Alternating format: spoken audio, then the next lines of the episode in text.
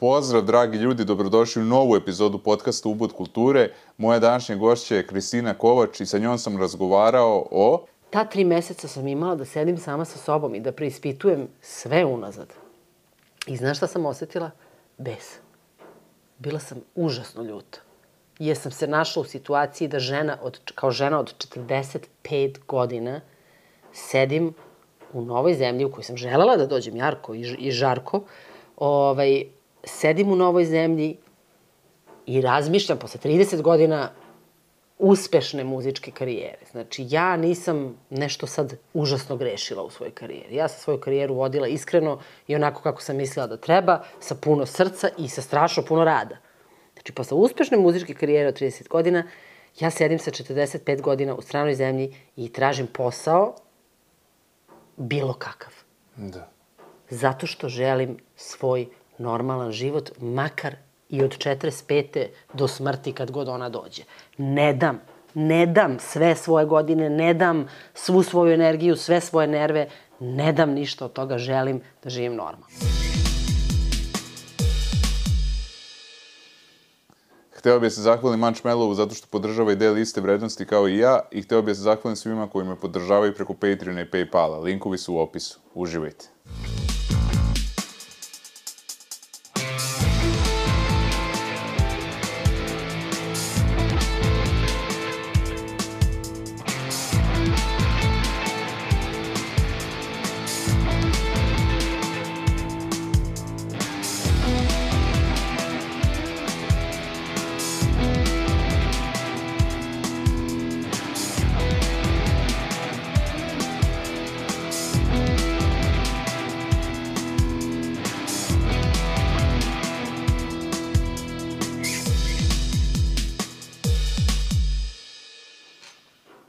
Kristina, dobrodošla, hvala ti mnogo što si došla. Hvala tebi što si me pozvao. Imam za početak jedno manč pitanja. To, to je, koji je bio prvi koncert koji te onako oduvao, da tako kažem? U životu? Hm, da. e, pa ima par u mom detinstvu koje sam, na koje sam otišla vrlo uzbuđena. Jedan od njih je bio Spanda Ballet u Beogradu. E, Evo, ja se ne sjećam, pa toga sam se setila da, ovaj, ne sjećam se koja je to godina bila, ali mislim negde 80, Pa, rane 80. Da, da, ne, čak nije, mislim da su kasno 80. Kasno 80. Mislim da sam bila malo starija, već tinejdžerka. I sećam se, Aleksandra i ja smo, živali smo vrlo blizu Hale Pionir, ovaj, bukvalno smo prešli ulicu i bile na koncertu. E, I bile smo zaljubljeni u saksofonistu. I tu postoji jako lepa priča, suštinski, pošto ovaj, tad, tad smo odgledala da je koncert i potpuno bile lude za njihovom muzikom, pre svega, a i za samim bendom. I evo godinama kasnije, znači sada moja dete ima 14 godina, mi odgledamo dokumentarac o Spandau Ballet, Daniel i ja, m- moj čovek, i ovaj, ona je prolazila kroz sobu i zainteresuje to što je čula i sedne i odgleda sa nama i načisto otkine na Spandau Ballet, što je meni bilo potpuno neverovatno, s obzirom da današnje generacije ne verujem baš da im se to lako dopadne. I onda sam ja sela i napisala tom istom saksofonisti jednu poruku na Facebooku na koju je on meni odgovorio. I ja sam bila, znači, nije bilo srećnije baba tinejdžerke od mene ne. tog dana. Tako da baš onako je lepa priča i potpuno normalan tip i pravi muzičar i umetnik. I jako sam tužna eh, što su se raspali. Kasnije sam bila na Beogradskom koncertu pre 2010. kad su imali reunion, da, da, da. mislim da ne deseta. 10 ovaj, i na meet and greetu, ali tad nije bio saksofonista jer o, kasnije mu avion, tako da ga nisam upoznala. Ali ovaj, taj koncert je isto bio fantastičan i mnogo sam tužna što su se raspali, a da moje dete nije stiglo da ih vidite. Da. Stvarno držim pesnice i fige i sve što mogu da držim da se skupe ponovo i da odemo zajedno, jedno, bar jedan poslednji put. Vrlo moguće, pošto su mnogi bendovi tako pravili pauze, pa... A da. reci da. mi, ti si sarađivala sa velikim svetskim muzičarima i rekla si, čini mi se jedno intervju, to što sam pogledao, pošto nema baš puno intervjua na YouTube-u, ovaj, Vini Koluta. Kola Juta, da. Da si posebno ponosna na, na tu saradnju. jesam, da. Znaš On je to najvećih bubnjara svih vremena. Jeste, mislim, za mene je najveći svetski Da. da. bubnjar, jer ja od svih od, od, od, od, od svih stvari u životu koje sam volela, ja ne znam koji broj je taj čovjek odsvirao, mislim, Da, da. Um, da, to je bilo vreme kad sam ja radila svoj album, jedini solo album u Nebranom grožđu 2007. Um, I ja mislim realno da sam ja, pošto ja nisam prava pevačica u smislu ja ne volim da se bavim pevanjem. Ja ako moram da se bavim pevanjem, onda to činim samo da bi te pesme us, uspela da izbacim u javnost, zato što ponekad napišem toliko intimne pesme da prosto ne mogu da ih dam nekom drugom da ih peva, nego moram ja da ih otpevam. Ali ovaj, ja mislim da sam konkretno za, baš za taj album uh, stala negde na sredini i da mi je bilo potrebno nešto što će da me motiviše užasno jako. I onda sam jednog jutra ustala i dobila potpuno ludu fiks ideju da zovem njega i da zovem Dominik Millera, kog je tata inače poznavao još iz, iz doba ovaj, života u Londonu i tata i mama. On je bio klinče jedno ovaj, od 17 godina, Stingov gitarista kasnije i ovaj, sa mnogim drugima isto svirao. Ovaj, I onda smo zapravo pre, preko Dominika ovaj, došli do Vinija i ja se sećam da mislim da sam 60% najboljih pesama, mislim 60% albuma sam napisala kada sam dogovorila njihov dolazak, jer sam toliko bila... Inspirisana, da. I to je bilo strašno, to je stvarno bilo strašno. I ta tri dana u studiju, koliko su oni snimali ovaj, moj, al, moj album, znači Vini je odsvirao sve pesme osim jedne, um, a Dominik, ja mislim, isto, ili tu negde.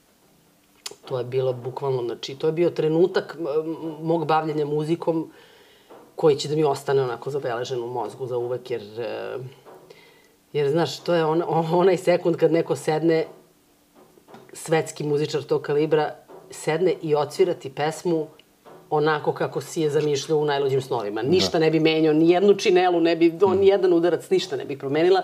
I to je prosto bilo to i to je, ja mislim, vrhunac mog bavljenja muzikom. Pa on je imao interesantne saradnje, mislim, ne znam, solo albuma koliko je on imao svojih, kao, ovaj, mm. možda ne nešto, ne, ali sa drugim muzičarima, pa sa Zapom je imao to saradnju, je pravo, da. pa Jeff Beck, sad pokojni, mm, mm, mm. nažalost, tako da je sa, da kažem, najvećim imenima sarađivao. Ali strašno raznovrsna muzika, da, znači, da, da, da. Od, od Zape do Melody Gardot, znači, da, da. potpuno da. ludilo šta taj čovjek je u sta, ko, ko je to široki sentiment da može sve da svira i sve podjednako dobro.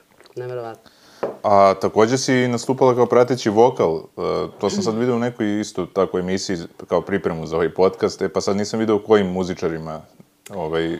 E, sad ne znam na šta misliš. Stranim isto neki, e, spomenuti su. Ne, Aleksandra je pevala na aha, Errol Brownovoj turneji, turneji gde smo obe bile predgrupa. Dobro. E, a Errol Brown je pevač grupe Hot Chocolate. Dobro. Te ovaj, na toj smo turneji bile predgrupa, a ona je pevala i prateće vokale na, Dobro. na njegovom Dobro. koncertu. Ali generalno mislim da nismo nikome poznatog napolju pevali. Onda, je, onda je ta bojitelka pogrešila. Ili je, ne znam na šta je mislila. Mislim, da, da, da. Ima, ima jedan, ima bad, mislim, band koji se zove Bad Company, meni su bili nepoznati tih, verovatno znaš. Znam, znam. Pa njihov pevač je snimao neki album u Londonu i znam da ne se neko zvao za to da pevamo i to smo pevali, ali ja mislim da to nije bio Bad Company, nego njihov bivši pevač. A evo sad je aktualna tema, ovaj, a ja je zovem Beovizija, ali to je u stvari, kako se to zove, pesma za... Pesma za Euroviziju. Za Euroviziju, da. da, da. Ovaj, pa bi te pitao u tom smeru, ti eto sad živiš u Švedskoj, a realno, ajde, to je i objektivno i subjektivno mišljenje, najveći bend koji je nastupao na Euroviziji ABBA, koja dolazi iz Švedske, pa bih te pitao, koji su to, koje su to pesme bili ili bendovi koji su nastupali ili solo izvođači tvoj omiljeni na Euroviziji? Ikada? Da. Uh, teško I možda pitanje. može i pesma, a može teško i naša, pitanje, naravno. Da. Tako da, ono... Pa vidi, ja sam odrasla uz kulturu Eurovizije. U smislu, u našoj kući se to svake godine gledalo, mi smo to pomno pratili, navijali, davali bodove, tad nije bilo glasanja publike, tako da smo, znaš, samo gledali šta će žiri da, da izglasa. Ali ovaj, od malih nogu pamtim da mi je to bilo omiljeno doba godine i da su pesme bile jako dobre, mislim, za onako da. do, dobra, dobra predstava trenutnog stanja na pop sceni Evrope. Um, kao mala sam jako volela, recimo, onu čuvenu pesmu Bucks Fizz grupe. Uh, kako beše? na, neki tako, ala Julie, samo malo drugačije. Ne. Od domaćih Julie sam volela jako, to mi je bila ne, neverovatna ovaj, ta stvar, ali dobro, to su sva deca jako volela tad. Um, Ali svih vremena, pa to te, mislim, vidi, pošto sam ja dosta ovako starija, ne pamtim baš dobro neke periode, ali e, poslednjih godina, recimo, mi je jako, jako e, draga ova portugalska od, od mm. Salvador Sobrala, to me oduvalo me potpuno. I mnogo sam bila srećna što je pobedio, zato što apsolutno nije bilo da. bolje pesme na, na Euroviziji. Um, recimo nastup i pesma um, Mons Elmerloa Heroes, koja mi je bila fantastična, onako baš pravi pop, pop hit, ali nastup isto fenomenalan i recimo taj nastup pokazuje koliko je pevačka harizma važna jer taj dečko je izgledao, e, nosio, energetski izneo tu pesmu i to je uradilo 50% posla, ja mislim. A inače sam sarađivala sa tom kompozitorkom. To je jedna od najuspešnijih švedskih kompozitorki s kojom sam ja davno, boga mi, predno 8 godina ima, imala ovaj, jednu, jedan session gde smo ona, njen bivši muž koji je takođe vrlo uspešan i takođe kompozitor te pesme, ovaj, pisali neku stvar. Ali nešto nije, nije mi ta saradnja bila jer ovaj, um, nikad ne znaš zašto su ljudi raspoloženi tog dana što se tiče kompozitora kad se spoje. Tako da smo na kraju završili s nekom pesmom koja nije moj... Um, moj cup of tea, što bi rekli, neka onako denserica, ja nisam baš u tom žanru najjača. Ali svakako, ovaj, e, da, Heroes i, i prošlogodišnji ovaj, uh, Almost Winner, Englez, Sam Ryder. To mi se jako dopalo. I bila sam malo nesrećna što nije pobedio, zato što smatram da je to muzičko takmičenje i da je najvažnije da pobedi dobra pesma no matter what. Tako da, da. ovaj, meni je bilo krivo. Um, ali mi je drago što se sledeća Eurovizija održava u Liverpoolu. Ali It's ja, only fair. da, da, da. Ali ovako kad pričamo, mislim, uh, kako bi definisali koji je to žanr koji bi trebao da se pojavi na Euroviziji? Ja mislim da je to neki pop. Ali... Pa vidiš, toga nema više. Mislim, da, to izgubilo i, se. Vidim to. da se ljudi ovde teško odlepljuju od one naše stare slike Eurovizije. U smislu, svi kad kažu Eurovizija, svi pomisle šlager ili pomisle ljiga ili pomisle, ne, ne znam, ljigava velika balada grandiozna. To odavno nije tako. Ali ja se generalno borim i sa time da, da, da, da u razgovoru s ljudima ja vidim da svaki drugi čovek ovde je u fazonu da je Eurovizija glja, da je to ono propali festival ne, kič odno, pesama ne. koje ništa ne valjaju, da je to sve strašno, da je to samo politika, da je ovo da ono. Ja, mislim, ok, što se politike tiče, to, to jeste istina i vrlo iritira, ali ako sklonimo to na stranu, ja se ne bih mogla manje složiti sa tom izjavom. E, I mislim da je vreme da, da, da ljudi koji tako misle, ono, get on with the program, pošto mislim, ne znam da su gledali Euroviziju skoro, ali pre svega Eurovizija u muzičkoj industriji u Evropi užasno bitan događaj, u smislu svi kompozitori jako žele da im pesma uđe na Euroviziju i da bude izvedena pred milionima ljudi. To je jedna stvar. Druga stvar, kompozitori čije pesme se tu pojavljuju su krem de la krem Evrope u smislu to nisu neki B kompozitori koje su navatali štapom i kanapom, pa kao molim vas nam napišite za Euroviziju, to su stvarno uspešni ljudi koji smeštaju pesme i na albume i na, nemam pojma, kao singlove. Tako da, e, vrlo je to poslednjih godina kvalitetan predstavnik i presek zapravo zvuka različitih zvukova koje u Evropi imamo na muzičkoj sceni. Što ti kažeš pop jeste. Pop je naravno negde, ja mislim, postao odrednica za, za to da pesma mora da bude prijemčiva. Da, da. Kogo, kogod žanra bila. Pa možda je baš da, Aba definisala to. Pa moguće, da, da, moguće. Da. Ove, to, inače, te godine je moj tata bio na Euroviziji mm. i bili su u garderobi zajedno. To je čuvena anegdota. I tata nam je to prepričavao, puno puta smo ga stalno pitali za to. Ovaj, jer je smešno, pošto Korni grupa nije pričala engleski. Da. to, to sam tek skoro saznala. I kad mi ispriču, kaže, mi sedimo, i, ni, valjda nije bilo green rooma tada, ili ja nisam da. baš shvatila. Oni su sedeli svi po svojim garderobama i gledali Euroviziju. I kaže, sedimo s njima i ono kako teče glasanje, mi, mi sve, sve, u sve većem bedaku, a oni sve srećni. Kaže, ništa se nismo razumeli. Kaže, oni pričaju engleski i švedski, mi srpski i to je to.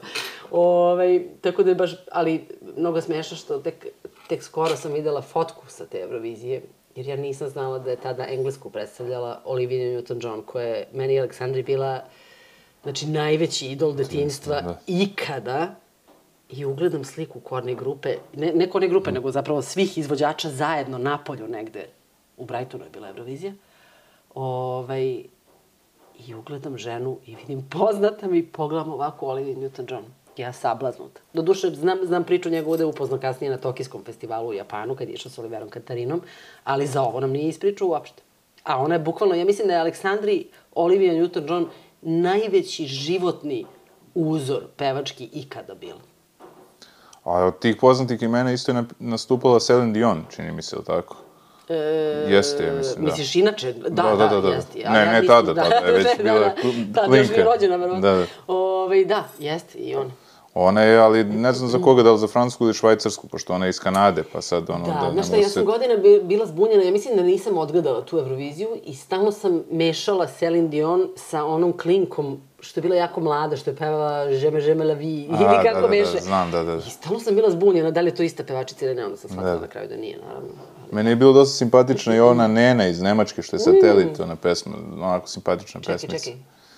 Satelit, ovo sad pre, ko, pre 10 Pre- godina. Pre deseta godina i tako da kažem. Nena zvala? Ili Nena ili sam ja pomešao Ne, ti si pomešao sa onom, onom Nenom, ja Nenom, mislim da nije da. Nena, mislim da je nešto slično. Da, da, ali satelit je da. pesma, čini mi se. Jest, Da, da, da. jest, jest. Tako da, Yes. Skoro sam imala ovaj vrstu, ajde da kažemo vrstu diskusije na, na Facebooku e, sa nekim ko je tvrdio, e, neko je, neko je postovao, u stvari Braki, Brakus je postovao ovaj, e, čarobnog i rekao da je njemu to remek delo i hvala mu. Ovaj, a onda je njegov drugar napisao da ipak ovaj, nije bilo realno očekivati da čarobni prođe dobro na Euroviziji zato što je samo godinu dana pre toga uh, dotična Nena, ili kako se već zove, pobedila sa, kako je on rekao, potpuno istim tipom pesme. I onda sam ja odreagovala na to, pošto uh, da bi, da bi izjavio tako nešto moraš da budeš baš ozbiljan laik za muziku, zato što ta pesma, koliko god da se sećam kroz maglu kako ide, ali sam je namerno poslušala ponovo da osvežim, da osvežim sećanje, e, ne da nema nikakve veze žanrovski sa čarobnim, nego to su dekade uh, između stoje, pošto je čaroban svoj, uti, u, svoj najveći uticaj, to jest uzor našao u Motownu, mislim. Ili, ajde da kažemo, Motown slash e, el, kasni Elvis.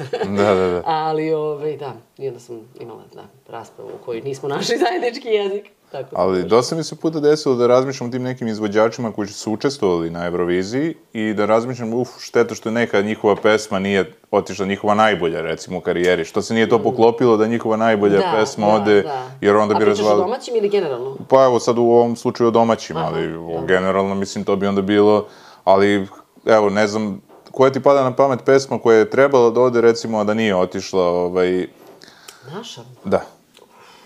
Uh, to je baš teško pitanje. Meni je palo na pamet, pošto ja ne znam tada, mislim nisam pratio, ali Dobro. to je sad klasik, mislim nisam bio tad rođen i to Dobro, je sve, Dado Topić i Slađana, princeza. Da, odlično, odličan primjer, jeste. Da. Jeste. A ko je otišao te godine? Ne znam. Znam da To oni morali nisu. da googlamo. Da, da. Čekaj bre, ko je otišao te godine? Nije Julia, to je neko slično vreme bilo tada. To je, tako da. Da, da, da, da, da, da. Zanimljivo, vidiš. Dobro, u to vreme se biralo po ključu u Da. Jugoslaviji, koliko sam Da. kasnije čula, mislim, nisam to znala kad sam bila mala, ali... Da. Ali, mislim, i tad je bilo, ja, moja prva Eurovizija i kada je sa 16, jedva sam imala 16, čekaj, ako je to bio neki maj mesec, 16 i po godina. Ove, kad smo pevali Pratići vokala Baby Doll. I prvo smo radili Jugoviziju, tako se zvala tad. I to je poslednji put da sam bila u Sarajevu i onako to je baš jedno tragično sećanje zato što je bila 91. i bio je 9. mart. Baš 9. mart. Vi 9. mart, kad smo mi izvodili ovaj, fin, to finale kao Jugovizije. Ja mislim, u stvari tad bilo je samo jedno veče takmičenje. I sećam se da je ceo Green Room gledao, ovaj, gledao snimke iz Beograda. No i onako, tačno se, mislim, onako, ja mislim da su umetnici većina, da kažemo, pošto bilo je slučajeva koji su me jako razočarali, ali ovaj, većina umetnika ima jednu pacifističku crtu i jednu ljubav prema čoveku kao, kao rasi. Tako da ovaj, vrlo veliki broj ljudi je generalno protiv konflikta i rata i takvih stvari ovaj, i neprijateljstva. I osjećalo se u toj sobi jedno jedinstvo, ali smo svi znali da, mislim, iako sam ja samo 16 i po godina imala, prosto si mogao da, da, da opipaš u vazduhu tu brigu šta će sve da se izdešava u budućnosti. Mislim da je to bilo već onako, Englezi imaju super reč za to, palpable, opipljivo. tako da da, ali isto tako je bilo jako zabavno i, i, i moj utisak o Sarajevu, u kom sam ja mislim samo tad i bila zaozbiljno, je dan danas predivan. Znači, taj grad, ja nikad ljubaznije ljude nisam i bolje domaćine srela nego kad smo tada bili tamo. Sarajlije su stvarno bili, mm, ono, predivni. Svi hvale taj grad, naravno, ali kažu da se dosta promenio ne što se tiče ljudi, nego ovako Pa ne može da se ne promeni, ja po strukturi, mislim. mislim, tako da, ovaj, mislim, u ne, ne može da se ne promeni posle svega što mu se desilo i što su Da, ti da. ljudi doživjeli, ja mislim, niko ne bi ostao isti kao Da, da, da. bio, tako da. Nego koliko sam čuo, sad ne pričamo o ljudima, njihovim osobinama, Razumem, da. nego kao da se ono kao struktura grada promenila, nešto su gradili, sad nešto, ne znam ko mi je rekao, kaže, pre pet godina sam bio u Sarajevu i sad sam bio u Sarajevu i kao, da, totalno različiti grad, ono, tako da, mislim, ja nisam bio pa ne znam. Ja mislim da su ljudi najvažniji. Naravno, Ko da. šiša strukturu kad imaš ljude koji duh. su super, da, Pa da. i duh. Um, I iskreno mislim, me, u Švedskoj, kada mi je najveća pomoć trebala, kad sam tek došla i, i, i kada sam tražila posao i, i, i kad sam zamalo posle tri meseca bilo u fazonu, bože, ovo ne ide i ja nemam više love i moram se vratim nazad ako ne nađem posao uskoro. Uh, meni je par sa Rajlija, predivni ovaj, ljudi sa, sa detetom malim, uh, su mi ponudili smeštaj mesec dana besplatno kod njih da dođem i da nastavim da tražim posao i tih mesec dana je bilo presudno jer sam ja tad našla posao Sjajno. i ostala i dovela porodicu. Tako da ja ovaj, nikad neću zaboraviti koliko me je ganulo to da od svih ljudi tamo naših, da to bude par Sarajlija, to jest gospođa i gospodin, moji prijatelji sada, ovaj, koji, su, koji su to učinili za mene i ne samo to, nego su rekli, oni su otišli na odmor, naravno, je bilo leto i rekli su dovedi porodicu, nisi ih videla, ono, četiri meseca nisi videla dete, nek dođu, nek budu tu, ono, koliko god, mislim, dok se ne vratimo. Tako da, mm, onako, baš mi je to bilo, baš mi je priraslo srcu. A reci mi, što se tiče Švedske, kako si se snašla, ti tamo radiš u IT sektoru, je li tako? Jeste, da, to je mnogo smešno zvuči. Da. I meni zvuči smešno. Pa znaš kako, ovaj, mislim, to je, ne znam koliko vremena imamo, ali to je užasno, meni je bar zabavna priča. Ovaj, I znaju moji pratioci na Facebooku, ja sam na Facebooku jako aktivna i meni je Facebook negde zamenio Dnevnik. kažem, pa da, na primer, ali sam tela Da. pre da kažem, zamenio mi je neku uh, bazu podrške koju bi možda dobila s nekih drugih strana, koju ne, mislim, koje više nisu tu. I onda ovaj, svi ti ljudi su pratili zapravo, jer je cela priča sa Švedskom počela, ja mislim, 2013. na primer. Ja sam otišla 40. 2019. A 2012. ili 13. sam počela da sanjarim o tome da odem tamo. Onda sam za vreme X faktora, kad sam bila sudija, ovaj, otišla u Stokholm, uh, organiz, uh, organizovala sam sebi zapravo 12 dana uh, put na saradnju sa njihovim kompozitorima, sam imala neke dobre kontakte. I to je bio prvi put da sam odrasla, otišla u Stokholm. I sećam se kao juče da je bilo i to stalno pominjem i Danijelo i Tari, ovaj, znam tačno na kojoj sam ulici bila i gde sam bila i kakav je dan bio kada sam prvi put pomislila ovo je to, znači ovde želim da dođem i ovde želim da moje dete odrasta i ovde želim da mi živimo i da ja nastavim da ostvarujem svoje ciljeve i svoje snove baš na ovom mestu. Jer se sećam da, da je ono što me strašno ganulo i učinilo užasno tužnom je bio trenutak u toj uličici, to je, mislim, to je jedna velika ulica na Södermamu, ali, ovaj deo gde sam ja bila jako mali ide ovako uzbrdo pa nizbrdo, ali jako lepa ulica. Jedgatan se zove. I ovaj, prosto je bio najgluplji, ono, neki zimski dan je bio, ali je bio još uvek ovaj dan i videla sam prosto porodice koje šetaju, ljude s decom. I samo me je trenutak jedan onako osvestio da, da sam shvatila da ne osjećam više fizičku negativnu energiju. Ja sam, ja sam u to vreme je kod nas počela se osjeća, ja sam je osjećala na fizičkom nivou. I kad odem odavde u to vreme sam, sam osjećala kako se ta, taj Nešto, teret se da. digne. Čim izađem i čim vidim ljude koji su rasterećeni jer žive normalan život sa normalnim snovima i ciljevima gde nije gde, gde nije svedeno sve na to da li ćemo jesti sutra, da li ćemo imati za kiriju, šta će sledeće da nam urade političari i koji. Znači, prosto je ono što se zove normalan život i što smo mi svi zajedno zaboravili, nebitno uopšte iz kog smo staleža, ko iz koje familije, da li sam ja Kovačeva čerka ili nisam, to je stvar karaktera. Ti ako imaš empatični karakter, tebe ne može da ne dira sve što se ovde desilo u poslednjih 30 Apsolutno, godina. da. I prosto ja sam smatrala, pogotovo što mi je dete bilo malo i, i što sam znala da ona treba da ima neku budućnost, ja sam smatrala da, da, ja, da je to nešto što pre svega dugujem sebi. jer sam već tada se približavala 40 u stvari pa na, na ivici sam bila da napunim 40 tada. I prosto sam počela da sanjam o tome da odemo tamo. Ovaj, I smešno je što sam ja zapravo godinama radila na tome. To je sve počelo od snova I meni su se svi smejali. Svi su se smejali što ja sedim i surfujem i biram škole za moje dete koje će da ide za, za ko zna koliko vremena kao u, u, u, u tu školu. Ali ja, evo, škola u koju moje dete sada ide je škola koju sam ja izabrala 2013.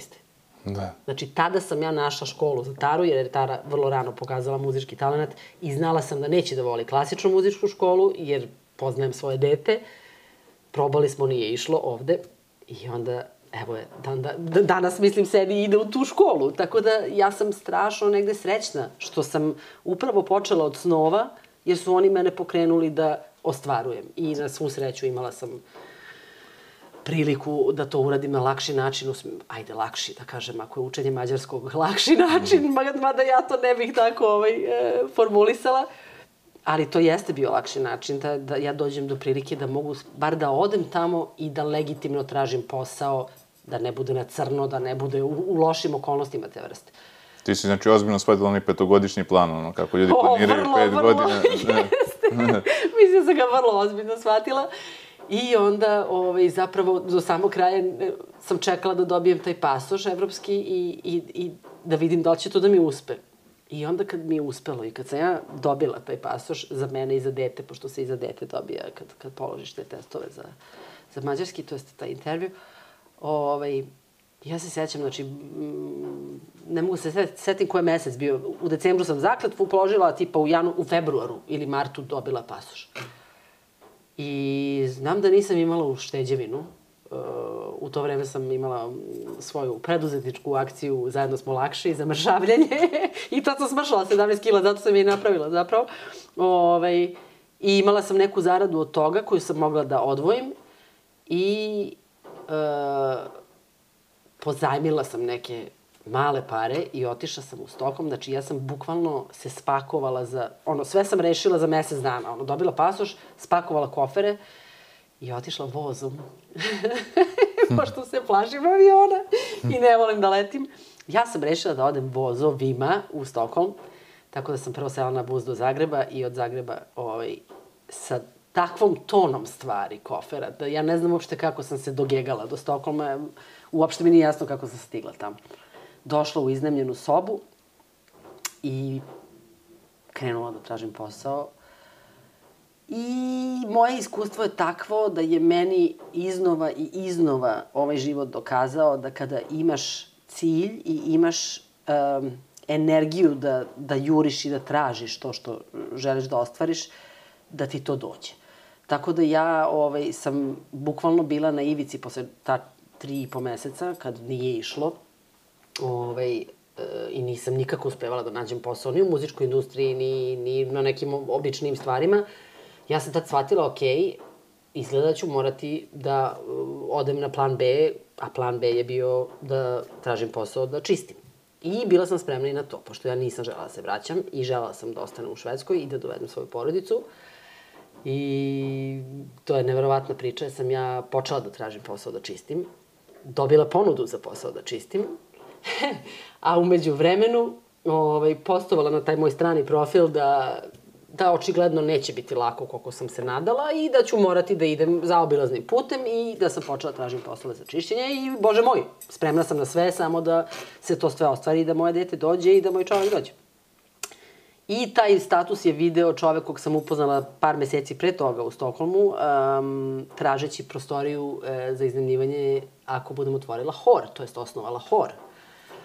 I to je bio neki coworking space i ja sam išla tu na sastanak sa vlasnicima i jedan od njih je bio uh, Englez, koji je inače uh, jedan potpuno fenomenalan, vrlo čudan tip, ali fantastičan, uh, izuzetno inteligentan, koji se ispostavilo da, pored što, toga što je bio nekada uh, snimatelj i muzičar, takođe ima i svoju artificial intelligence startup kompaniju u kojoj radi 15 ljudi.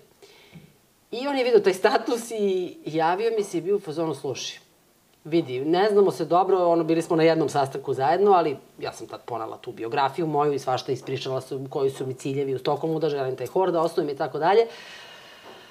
I on kaže, ti si ostavila na tom sastanku utisak, ti, mislim, pobogu ženo, ti si bila X faktor sudija. Potpuno je suludo da ti sad ideš da čistiš kuće. Ja kažem, slušaj, meni ništa nije suludo, jer ja sam došla ovde da ostanem i ako treba to da radim, ja ću to da radim. To je posao za poštene ljude, mislim, da. nema tu ništa suludo. I on je bio u zonu, ne, ne, čekaj, moramo nešto da smislimo. Ove, popili smo kafu, pričali smo malo to, muzika, šta, da li može nešto s muzikom, da li on zna nekoga, ne, ne, ne, ne. I obećao je da će da razmisli i bukvalno mi se čovjek javio u roku od 3 sata. Ja nisam ni znala za taj startup njegov. Javio mi se i rekao, slušaj, ja sam tebi našao posao. Ja sam bila u fazonu, čekaj, stani, šta, kako? On me pitao, jesi ti radila nekad u muzičkim softverima? Rekao, ceo život radim u Cubase-u, da. Vidiš, kaže, ja imam AI startup i mi imamo jedan program, softver, koji, ovaj, u kom se radi takozvani labeling podataka iz machine learninga. Ja, naravno, kao duduk slušam što mi priča i nemam pojma ni o čemu. Ove, I kaže, to je suštinski, ako si radila u Cubase-u, vrlo sličan program tome, samo što ti ređaš neke labele, ne znaš šta. I kao, znaš, u mom startupu nama treba neko da to počne da radi, a plus već smo na ivici da nam treba i office manager, pošto nemamo nikoga ko brine o tim stvarima. Šta ti misliš to? Rekao, ja mislim sve najbolje. I onda sam išla na jedan, drugi, treći razgovor kod njega u firmu i naravno ima partnere čovek.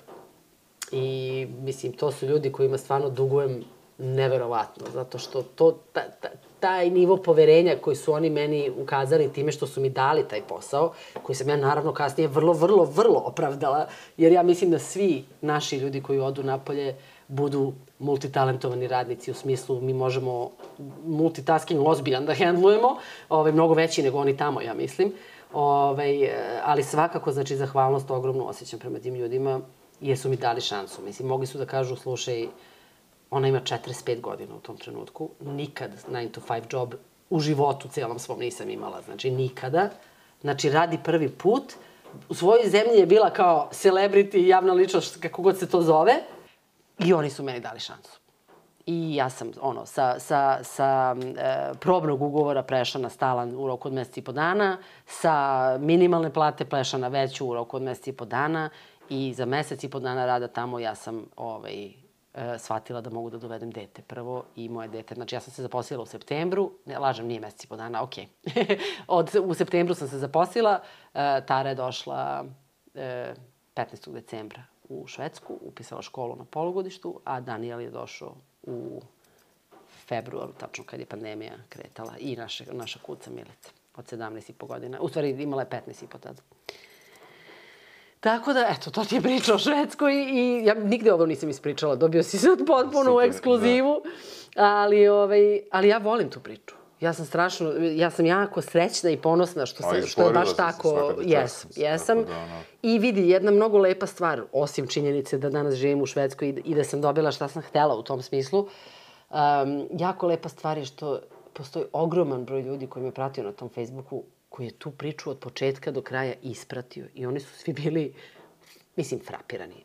Oni su svi verovali da ću ja to da uspem, ali opet, nije, znaš, kad kreneš od onog početka 2013. da ja sanjarim o školama za svoje dete i kao nemam način da odem tamo, a onda 2019 ja dođem tamo, dobijem posao, znači ja sam njima sve izveštavala, to su bili snimci, e, danas su me pre, na stalno su me prebacili, sad mogu da dovedem dete, to je najveći dan radosti u mom životu bio što će da mi dođe dete koje nisi na četiri meseca, mi se nismo odvojili u životu na tri dana, a ne na četiri meseca. Tako da ti ljudi su dobili jednu, onako, mislim, dobila sam gomilu poruka, podrške, gde su ljudi bili u fazonu, e, svaka čast, ti si nama pokazala da to može, mislim, znaju ljudi da to može, ali ponekad izgleda mnogo teže nego što jeste. I onda meni je to mnogo značilo. Vratilo mi je veru u, u to da, da prosto sličan sentiment ljudi se nađe, eto, na virtualnoj mreži, bukvalno, i, i daju jedni drugima nešto. Oni meni poklone nešto, ja njima poklonim nešto. I to je razlog što, recimo, nisam nikad odustala od društvenih mreža i od svog pristupa istim, bez obzira na pakao u kojem je se život pretvorio. Da. Zbog toga što su mediji krali i bukvalno krali, mislim, čak i sa zatvorenog profila, tako je sve počelo krali. Nešto što sam pisala svojim prijateljima na zatvorenom profilu. Ali, bože moj, mislim, zato kažem, tvrdoglava sam i ne, toga se ne odričem no matter what, jer, jer se meni tako sviđa. Sviđa mi se da imam podršku koja mi treba od strane ljudi koji, koji vole moju muziku i koji, na kraju krajeva koji su zavoleli mene, jer su me upoznali, jer ja nisam javna ličnost na Facebooku koja piše i pro, pro, pro, isključivo promoviše svoje nove, ne znam, pesme ili projekte. Meni je to neinteresantno. Ja sam Kristina onakva kakva sam kod kuće, takva sam uglavnom i na Facebooku, tako da mislim da su me dobro upoznali i da vole pravu mene, a meni to puno znači. Pa eto, ja tu nalazim isto sličnost, pošto sam ja krenuo radioaktivnog u marca 2014. I isto je bilo ono u početku, ono, prvo hiljadu pratilaca, pa onda ono, se to povećavalo, ali u početku niko nije ni verovao u tu priču, kao šta u Srbiji, kultura, mm. umetnost, koga briga, vamo tamo. I evo sad, ne znam, na Facebooku 260.000 pratioca. Wow, oh na my god. Instagramu 100 i nešto, 1113, ne znam. Kapir.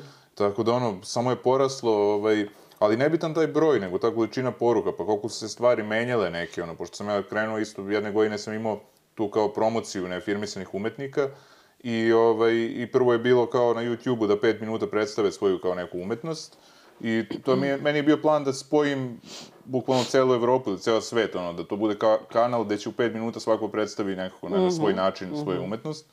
A onda sam otvorio sajt gde je bio radio on, online 24 sata. Wow.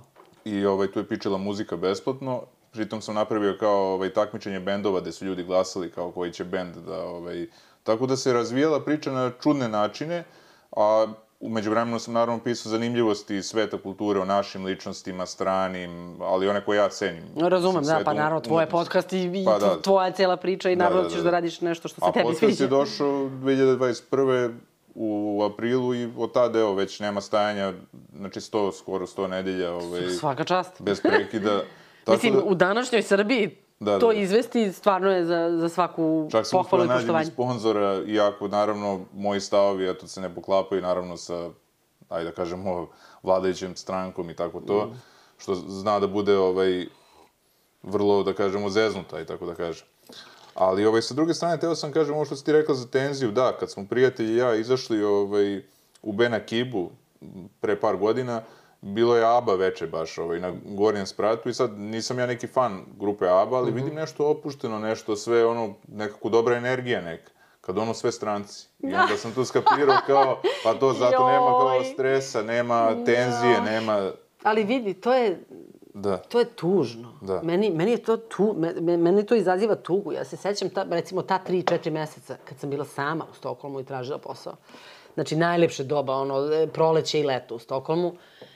Onaj grad prelep, znači, Stokholm je prelep grad. I ja šetam i, znači, mene je, na, na dnevnom nivou me je cepalo to koliko negde se odvija paralelno normalan život i šta smo mi sve kao narod prošli poslednjih 30 godina i koliko, koliko je to greota i koliko je strašno da. bi, doći u tu situaciju da ti godine ukradu političari koji to rade za svoju korist, ko na kraju Na kraju, mislim, tu pola poštenog čoveka nismo našli u, u celoj priči poslednjih 30 godina. Lažem, možda jednog, ali to nećemo nikad znati, pošto nije ostao, nego je nestao. Ovaj, tako da, to je meni najtužniji deo. Da. To kad vidiš normalan život, kako čovjek treba da živi i da shvatiš da si skoro zaboravila. Ja nisam skoro zaboravila, jer da sam skoro zaboravila ne bi nigde ni išla, verovatno. Znači, mene nije napuštala ta slika normalnog života, ne iz inostranstva, iz Jugoslavije u kojoj sam rođena, iz mog detinstva u, u kom sam rasla, to je tada bio normalan život. Život koji je vredan onako, življenja, mislim, da. bukvalno. I onda se, mislim, onda su stvari samo išle nizbrdo i išle su nizbrdo toliko, onako, ko kuvanje žabe, da, da ne primetimo. Pa da. neće, valjda, pa ne, uf, uf, pa dobro, proći će. Da. I tako prođe naš život. Ja sam, mene je zato uhvatila potpuna panika tada kad sam krenula da, da gledam odlazak u Švedsku. Me, mene bukvalno panika oterala da odem, jer sam ja shvatila da je meni život, da je meni najbolje godine mog života su prošle u mom ulaganju e, sebe u svojoj domovini da će, meni, da će ne meni, da će svima nama biti bolje. Nisam ja radila za sebe, ja sam to čime sam se ja bavila u svom poslu, to je jedna stvar. To radim za sebe jer volim i uživam u muzici i to je moja ljubav najveća i, i, i moj životni, životno opredeljenje i posao. Ali sve ovo drugo, to, to moje insistiranje na tome da ovde mora da bude bolje i ta moja želja i, i, i angažovanje na sve moguće načine da ovde bude bolje, to prosto je bilo, nažalost, uzaludno. To je bio moj utisak. I kad sam, kažem, otišla, ta tri meseca sam imala da sedim sama sa sobom i da preispitujem sve unazad. I znaš šta sam osetila? Bes. Bila sam užasno ljuta. Jer sam se našla u situaciji da žena od, kao žena od 45 godina sedim u novoj zemlji u kojoj sam želela da dođem, Jarko i, i Žarko, ovaj, sedim u novoj zemlji i razmišljam posle 30 godina uspešne muzičke karijere. Znači, ja nisam nešto sad užasno grešila u svojoj karijeri. Ja sam svoju karijeru vodila iskreno i onako kako sam mislila da treba, sa puno srca i sa strašno puno rada. Znači, posle uspešne muzičke karijere od 30 godina, ja sedim sa 45 godina u stranoj zemlji i tražim posao bilo kakav. Da. Zato što želim svoj normalan život, makar i od 45. do smrti kad god ona dođe. Ne dam, ne dam sve svoje godine, ne dam svu svoju energiju, sve svoje nerve, ne dam ništa od toga, želim da živim normalno. Pa to je ono što i Kipling rekao, onaj njegovi najčuveniji pesmi, ako, ako možeš, ono da, iz početka, Ja, da. ovaj, mislim da, ono, gledaš propast svega što si gradio i da iz ponovo iz temelja, onda si čovek, mislim, tako da... Eto. da, da, da. Mislim, Da. to sam sad par, parafrazirao, ali on Mm, u pesmi razumem. svašta kaže, između ostalog i to je jedna od rečenica koje je rekao. A recimo što se tiče Švedske, šta je tu interesantno ovako što se tiče građevina, muzeja, uh, šta ti najviše boliš, ajde, od tih? Meni je arhitektura Stokholma potpuno prelepa. Znači, ja, ja ne znam, bila sam u, u mnogim evropskim metropolama, ali Stokholm ima nešto specijalno. Um, jedna lepa stvar koju je moj Daniel primetio kada je on došao na tog leta u posetu na mesec dana, na 20 dana, ovaj, prva stvar koju je rekao, kaže, Kristina, je tebi jasno da je ovo mogao da bude Beograd da se nisu desile sve one stvari koje su se desile. Da se nije desilo poslednjih 30 godina, nego da su se desile, dru, da se desilo drugačijih 30 godina, boljih i normalnih 30 godina, danas bi Beograd bio ovo. Zato što prosto Švedska vajbuje kao stara Jugoslavija, što je potpuno fantastično. Mislim, oni prosto vajbuju takvom nekom Mislim, naravno da su mentaliteti drugačiji, ne može da se poredi, naravno mi smo užasno strastveni, emotivni, na napolje, oni su uzdržaniji u tom smislu, pre svega ja smatram da su oni stidljivi. Mm -hmm. I ovaj, vrlo često Da se ljutim. ovako, da. Pa to je, vrlo često se ljutim na naše ljude zato što uporno pričaju da su Švede užasno hladne, da s njima nije moguće uspostaviti nikakav kontakt. Znači, to je ortodoksna glupost. Ti ljudi uopšte nisu hladni. Oni su samo naučeni da budu jako stidljivi i da jako poštuju tuđe vreme, prostor i slobodu.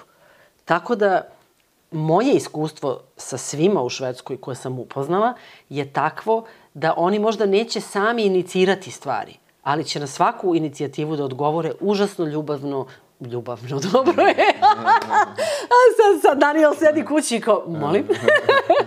ovaj, užasno ljubazno, užasno fino, sa užasnim poštovanjem tebe kao osobe. Tako da, od toga da sam ja posle recimo tri meseca na tom prvom poslu, svi su znali moju, moju životnu priču, naravno, i da ja dovodim dete i čoveka kasnije i kuće. I, znači, e, na, na mojoj žurci, sedeljci sa pet ljudi, ono, useljenja u prvi iznajmljeni stan u Stokholmu, e, došlo mi je pet kolega i doneli su poklon za useljenje meni i mom detetu koje nikad nisu upoznali, staromodne, predivne, bele klizaljke, nove novcate. Znači, to nije jeftin poklon, mislim, to košta novac. Da. Ja sam bila frapirana potpuno. Zato što su oni čitav, čitav ujdurmu smislili kako da saznaju od mene koji broj cipela nosim, što su i uradili. A za dete su pitali kolegu koji ima devojčicu od 14 godina, od, ona je tada imala 11 i po, i kao pogodili su broj za dete. Tako da, mislim, mene je ta vrsta truda oduvala potpuno da. posle tri meseca. Mislim, možeš misliti kad bi kod nas posle tri meseca nekoj koleginici koja je došla, ne znam, iz Rumunije ili odakle god da radi ovde, neko kupovo detetu poklon. Mislim, te vrste i, i, i, i, i ne znam, prosto, znači, Znači, ljubaznost je neka osobina... ljubaznost je jedna vrsta humanosti velike. E sad, vidiš, to je jedna strana. Onda, recimo, odnos prema pandemije mene jako razočarao, ali postoji objašnjenje za taj odnos, a to je jedna neverovatna ljubav prema ljudskoj slobodi koju oni imaju i na koju su navikli decenijama i vekovima, verovatno. Um, drugo, ogromno poverenje u vlast. Znači, njima se prosto zalomilo da je šef njihove, ove, kako se zove, Bože, mislim, znam njegovo ime, nego, e, ne, ne, šef ove državne, bre, kako se zove, agencije za aha, aha. Epide, epidemiološkog centra ili kako se zove, zaboravila sam, ovaj, e, taj Andeš Tegnel, da, da je on prosto svojevrsni ludak. Mislim, moram pritati da me podsjetio na neke druge svojevrsne ludake ovaj, od kojih sam otišla. Ali ovaj, svakako zalomilo im se slučajno da im je takav čovjek, ili slučajno, ili greškom nekom da im takav čovjek bude na, na, na, na vrhu te piramide i da prosto politika koju izabere bude toliko rizična, jer stvarno jeste bila rizična. Mislim, švedski koraci u trenutku kada je pandemija tek kretala i kad ceo svet nije znao u šta će da se pretvori, da li će biti vakcine, neće biti vakcine i kakva je to zapravo bolest, to je bio jedan ogroman rizik. Međutim, švede, švede su prosto pune poverenja, slušale šta im govori osoba sa televizije, vlast, kogod je bio zadužen za to.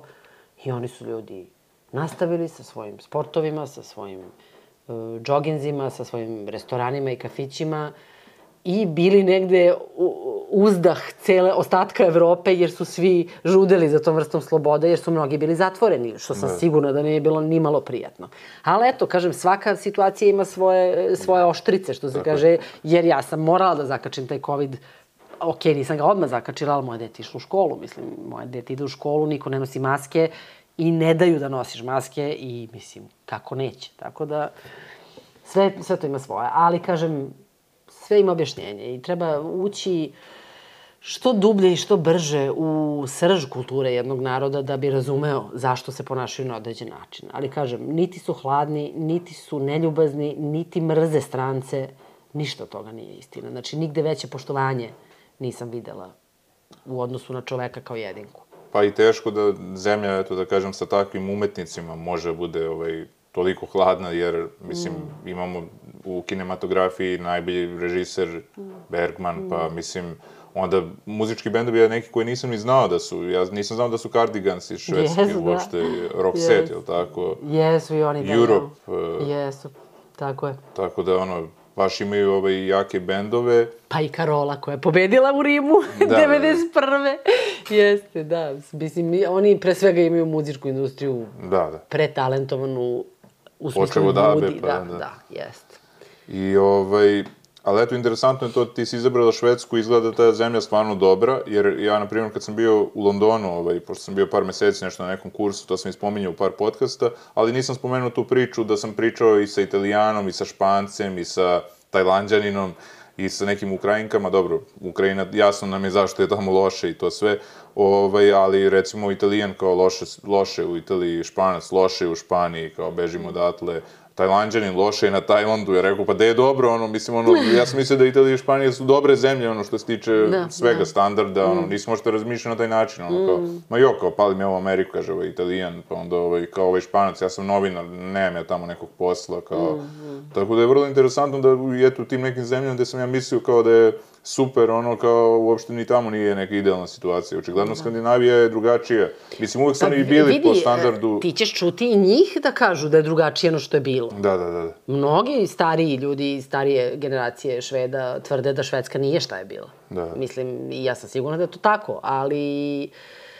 Mislim, sve se menja i svugde se menja. Evo, sada sam ja u situaciji da moj e, ko kompozitor, ko autor pesme za, koju sam napravila, moj prvi ožiljak na duši za, za, za pesmu za Eurovizije, e, tim bude u fazonu, brate, engleska je havarija sada. On je očajan zbog Brexita, on je očajan zbog cijele priče, njima se sve ljulja, financije, kultura, sve im je da, onako da. na, na, na vrlo, vrlo lošem, uh, u, u lošem trenutku sada i čovjek je očajan.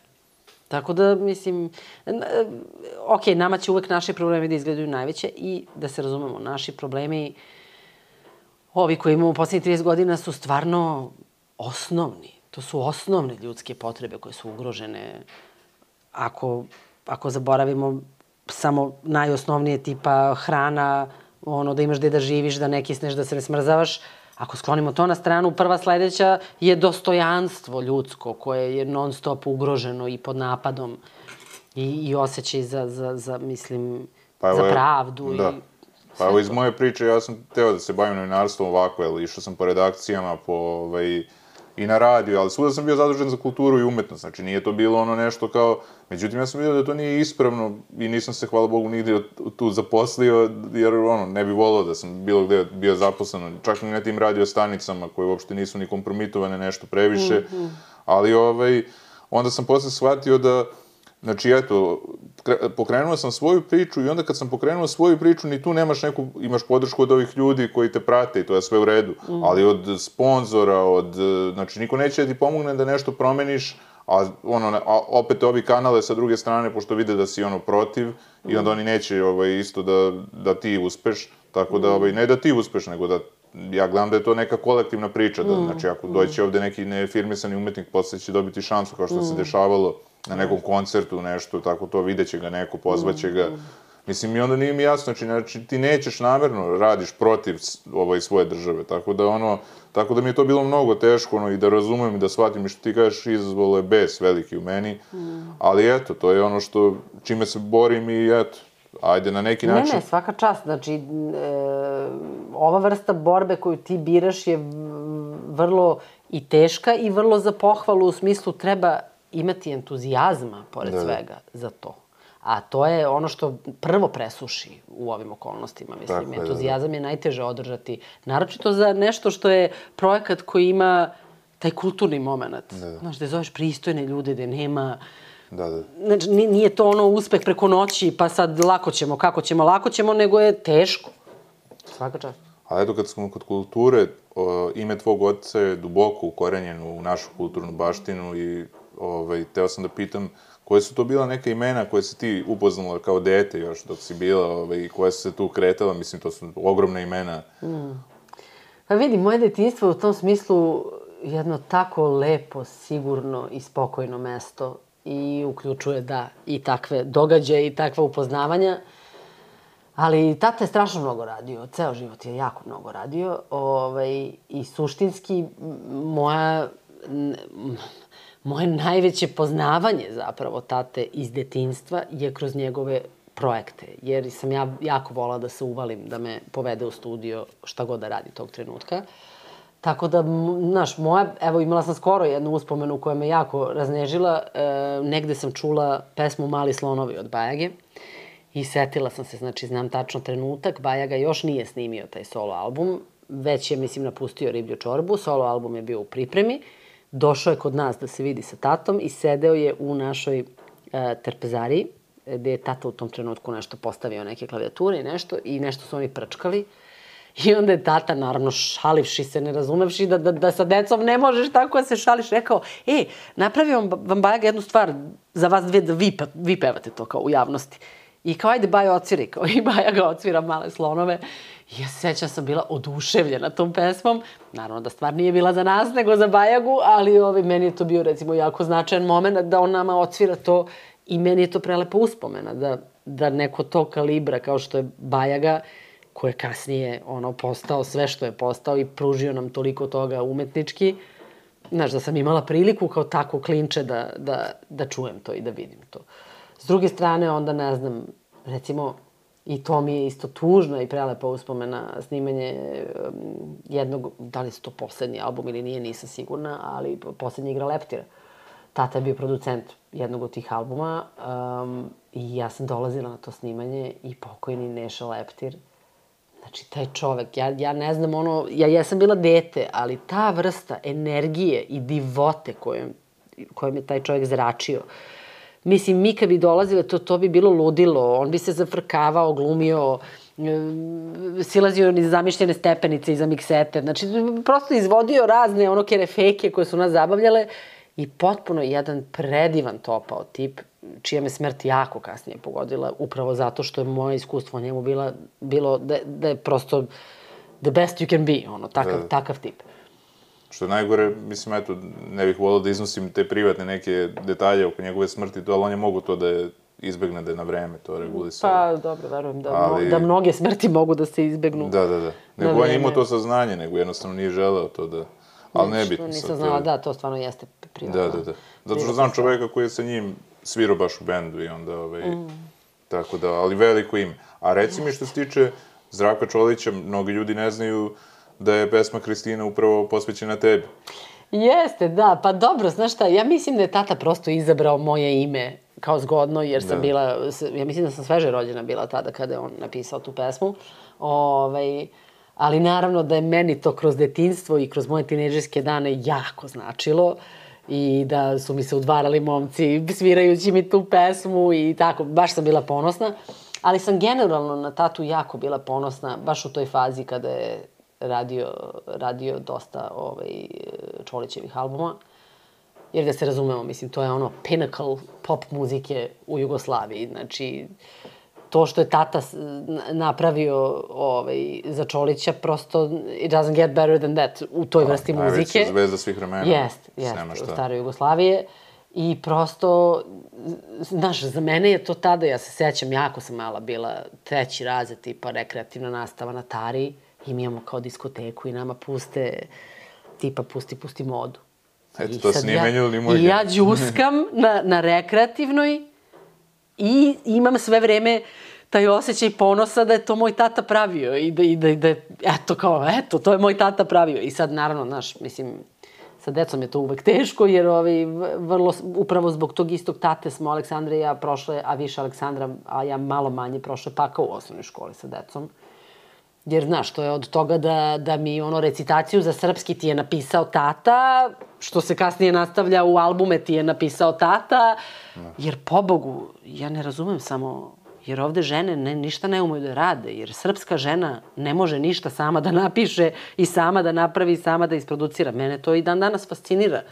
Ta vrsta kao, ma mora da joj je. Zašto mora da joj je? Jer malo talentovanih žena na svetu, malo žena koje su nešto lepo uspele da naprave same, bez pomoći. Mislim, uopšte ne razumem koja je... Takve stavove nikad nisam razumela. I tu postoje jedna jako, ovaj, mislim, nije toliko zabavna anegdota koliko je meni ostala u sećanju, a to je kad smo snimale naš prvi album, ovaj, K2, uh, u studiju Lucky Sound, kod Fute smo ga snimale, i Vlada Negovanović, veliki Vlada Negovanović, koji je i gitarista Super, da, i snimatelj, jeste taj, taj prvi album. Ovaj, Vlada Negovanović je bio uh, snimatelj tog albuma. Zapravo, ja mislim da je Maksa njega zvao da bude producent, a da je onda Vlada negde na pola skapirao da sam ja prirodni pro- producent tog albuma i samo bio u fazonu, e, ljudi, ja sam snimatelj ovog albuma, ti si producent ovog albuma. Uglavnom, imali smo situaciju gde sedimo za miksetom, on i ja i radimo i ulazi neki lik u studio. I ja kao, gde si Vlado, kao ne znam. I kao, šta kao, ovaj, a, produciraš ove male, a? I on ga pogleda i kaže, ne, ona producira ove male. I znam da je ovaj čovjek bio u fazonu kao, ma, kao, možda u njenim snovima ili šta li, ali sećam se da mi je to ostalo kao upečatljiv utisak zašto je to toliko strašno da kao devojka od 21 godine koja ima dovoljno talenta, ima dovoljno naučenih stvari u životu i, i nekog iskustva muzičkog da, da može tako, mislim, pobogu, pa napolju rade to sa 16, a ne sa 21. Tako da, ovaj, da. Ali kažem, celo moje detinjstvo je bilo jedna riznica I tvoja majka je tekstopisac. pa- Jeste, da, mama je pisala predivne tekstove i, i, i žao mi je što ih nije napisala više za života. Mislim, jako rano je umrla sa 53. A koji su neki najpoznatiji? Pa Zlatni dan je možda naj, onako, na, nije najpoznatiji, ali je najlepši To je njen moja tekst. majici najlepša pesma. Eto, vidiš, mislim, ja mislim, to je pesma koja je bez spota jedna od onih legendarnih pesama koje same, ali potpuno same, nađu put do ljudi i ja mislim da je to možda najveća pesma koju su mama i tata zajedno, mislim, tata komponovao, a mama napisala tekst. I pored toga ti si mi u krvi. Da. Recimo, to je isto onako jedna od tih baš, baš velikih. Jesi videla kad je izvodio onaj Ukrajinac u ovaj X Factor ukrajinskom? Ili ja imam talent? Ma, znaš ti koliko je puta to, to prevedeno na razne jezike, izvođeno, A on naročito... izvodio u- izvorno. A jel da? Da, da. Ne znam A zato to. je to bilo šokantno. A jel da, da, Ovi nisam znala. čuli ljudi, ali bila je emocija ono Da, jaka, ono kad da. je on izvodio, tako da... Nisam ovaj, znala. Da, da. Ali da, Zato je bilo zanimljivo, zato da. što je... Ovaj, a reci mi, Kakav je utisak na tebe ostavio Zdravko i uopšte, ajde da kažemo, te legende, ono, kad si ih upoznala i tako to, ono... Pa vidi, mislim, meni su ti ljudi bili normalna pojava u mom životu, znaš, za mene, neka. mislim, za mene on nije, ni on ni bio, mislim, ja sam bila zaljubljena Zdravko Čolića kad sam bila prackovolicni, što je normalno, ovaj, tako da u tom smislu mi je jako značilo kad dođe kod nas, mislim, uh, ali generalno, znaš, ni, ta, ako tražiš neko starstruck iskustvo, nećeš ga naći, zato što odrastati u takvom domu da. podrazumeva da će ti dolaze Tako. ljudi i da su tebi ti ljudi skoro svakodnevna pojava. Tek retroaktivno sada sam ja zahvalna na tome što sam pre svega nisam zahvalna na tome što sam poznavala te ljude, jer to ne znači puno. Ono što znači puno jeste odlaziti na ta snimanja i učiti posao u koji možeš da učiš najbolje posmatrajući upravo kako ga drugi ljudi rade. Tako da je meni to bilo najdragocenije iskustvo. A to sad da sam upoznala Čolu, Bajagu, Peru, Žiku, Lazu, e, to je mnogo manje važno, važno u celoj toj priči. Znaš, bare meni, ne znam sad, možda bi nekom drugom bilo važnije, ali meni je to najvažnije. A kako ti je iskustvo kad si bila sudija X Faktora? Ovaj, uopšte, eto, redko kad se desi, pratio sam te talente i sve, ovaj, mm. recimo u Hrvatskoj, na primjer, nije slučaj to. Oni imaju Voice i mm. posle toga oni te svoje pevače koji su nastupali u Voice-u mešaju sa poznatim pevačima i oni imaju neke kao A strana, B strana, mm. muzičke emisije, ozbiljne emisije, gde onda ovi ne, ne padaju u zaborav, da. kako bi rekao. Da. E, ovde je problem što Verujem da je veliki problem, naravno, ako neko i nije sam autor, pa ne može sam sebi da napravi, kako bi Dobro, rekao, da, pesmu. Dobro, da, sigurno mora da pravi dobre da. izbore, ali, mislim, generalno je to iskustvo bilo jako stresno, jer e, takav projekat u Srbiji, ako nema baš ono top notch e, ljude koji su iza scene, bude stresno za ljude koji su na sceni, pre svega, te učesnike, i bude stresno za ljude koji rade kao žiri. Ali, ja sam Mislim, ja imam nepresušnu energiju kada radim nešto što volim. I ja sam jako želala da budem sudija X Faktora i, i taj cilj sam ostvarila.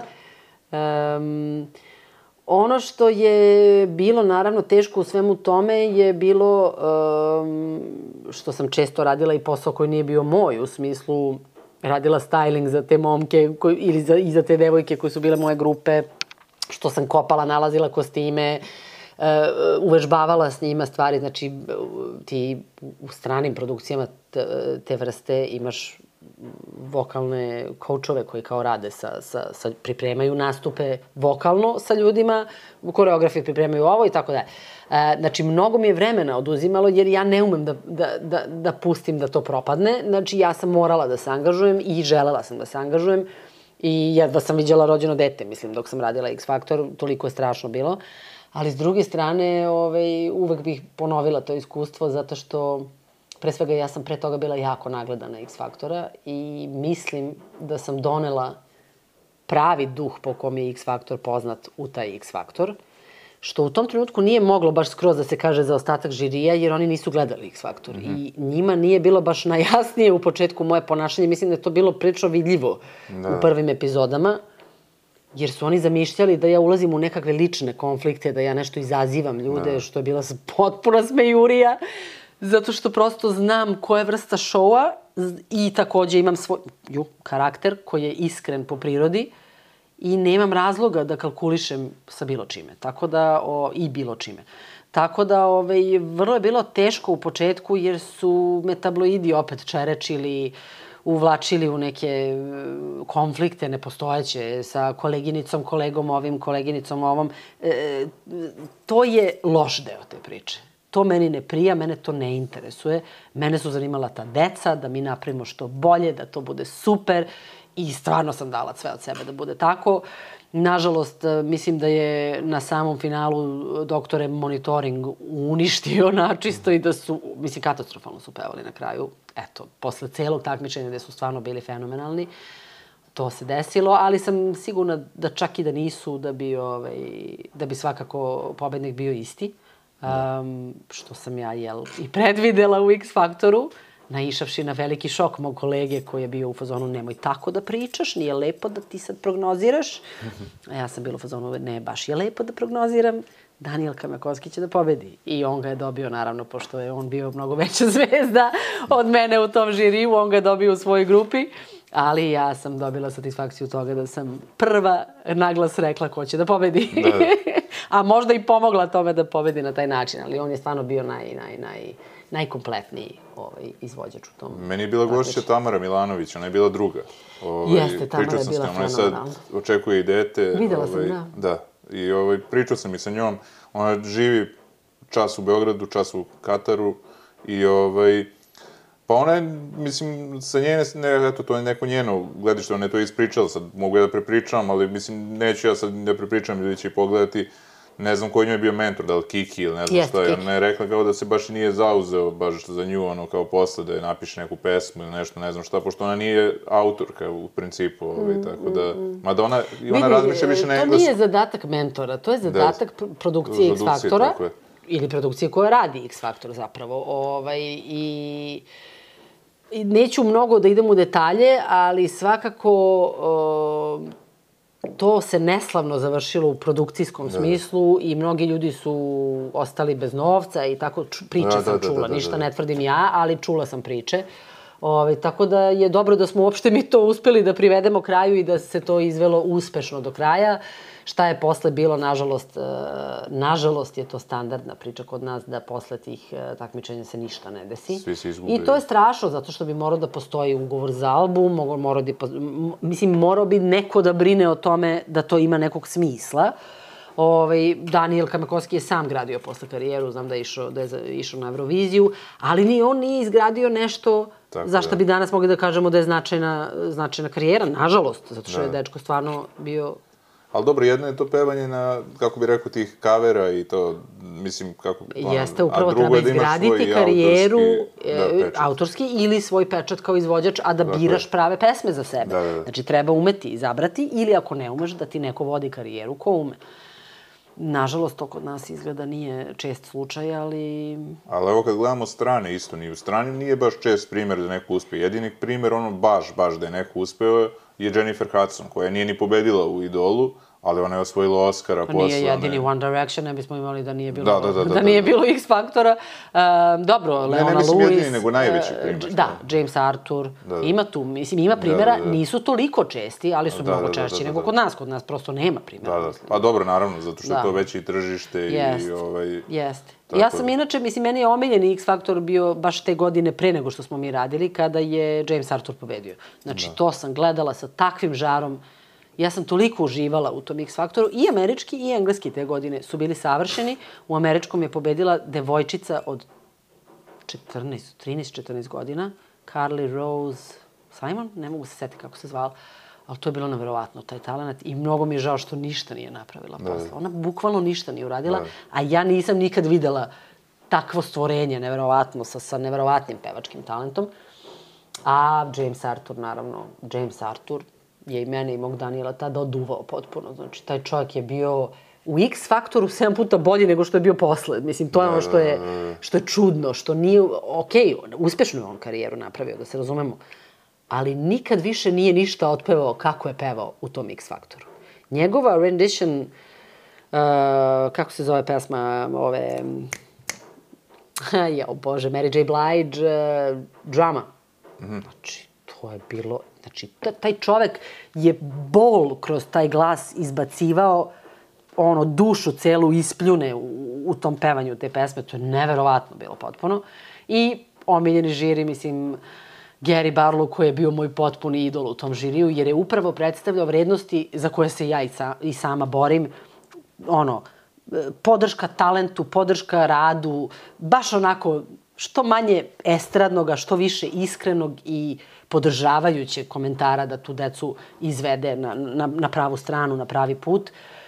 Mislim da je to stvarno bio onako uspešan, uspešan događaj. A što se tiče, da kažemo, novih izvođača, pa i u Švedskoj, pa i generalno, da li imaš ti neke svoje sad favorite, da su se pojavili neki pop rock zvezde, i tako da kažemo? Jo, znaš šta, jedina osoba koja mene čuva od potpune učmalosti u tom smislu je moje dete, pošto ona ima 14 godina i sama je počela da se bavi muzikom sad, tako da ja kroz nju ne samo da čujem nove stvari, nego čujem i stare stvari koje nikad nisam čula, jer ona ima toliko širok muzički ukus i toliko njen spektar zadire ono u, u razne dekade i u razne obskurne za mene bendove koje nikad nisam čula, koji imaju fantastične pesme. Tako da ona dođe ono i otkrije pesmu iz... Ja pitam šta ti je to, kaže, ne, neki bend iz 90-ih.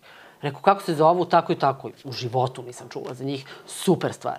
A, tako da moje dete mene ovaj, drži nekako up to date što se tiče nove muzike.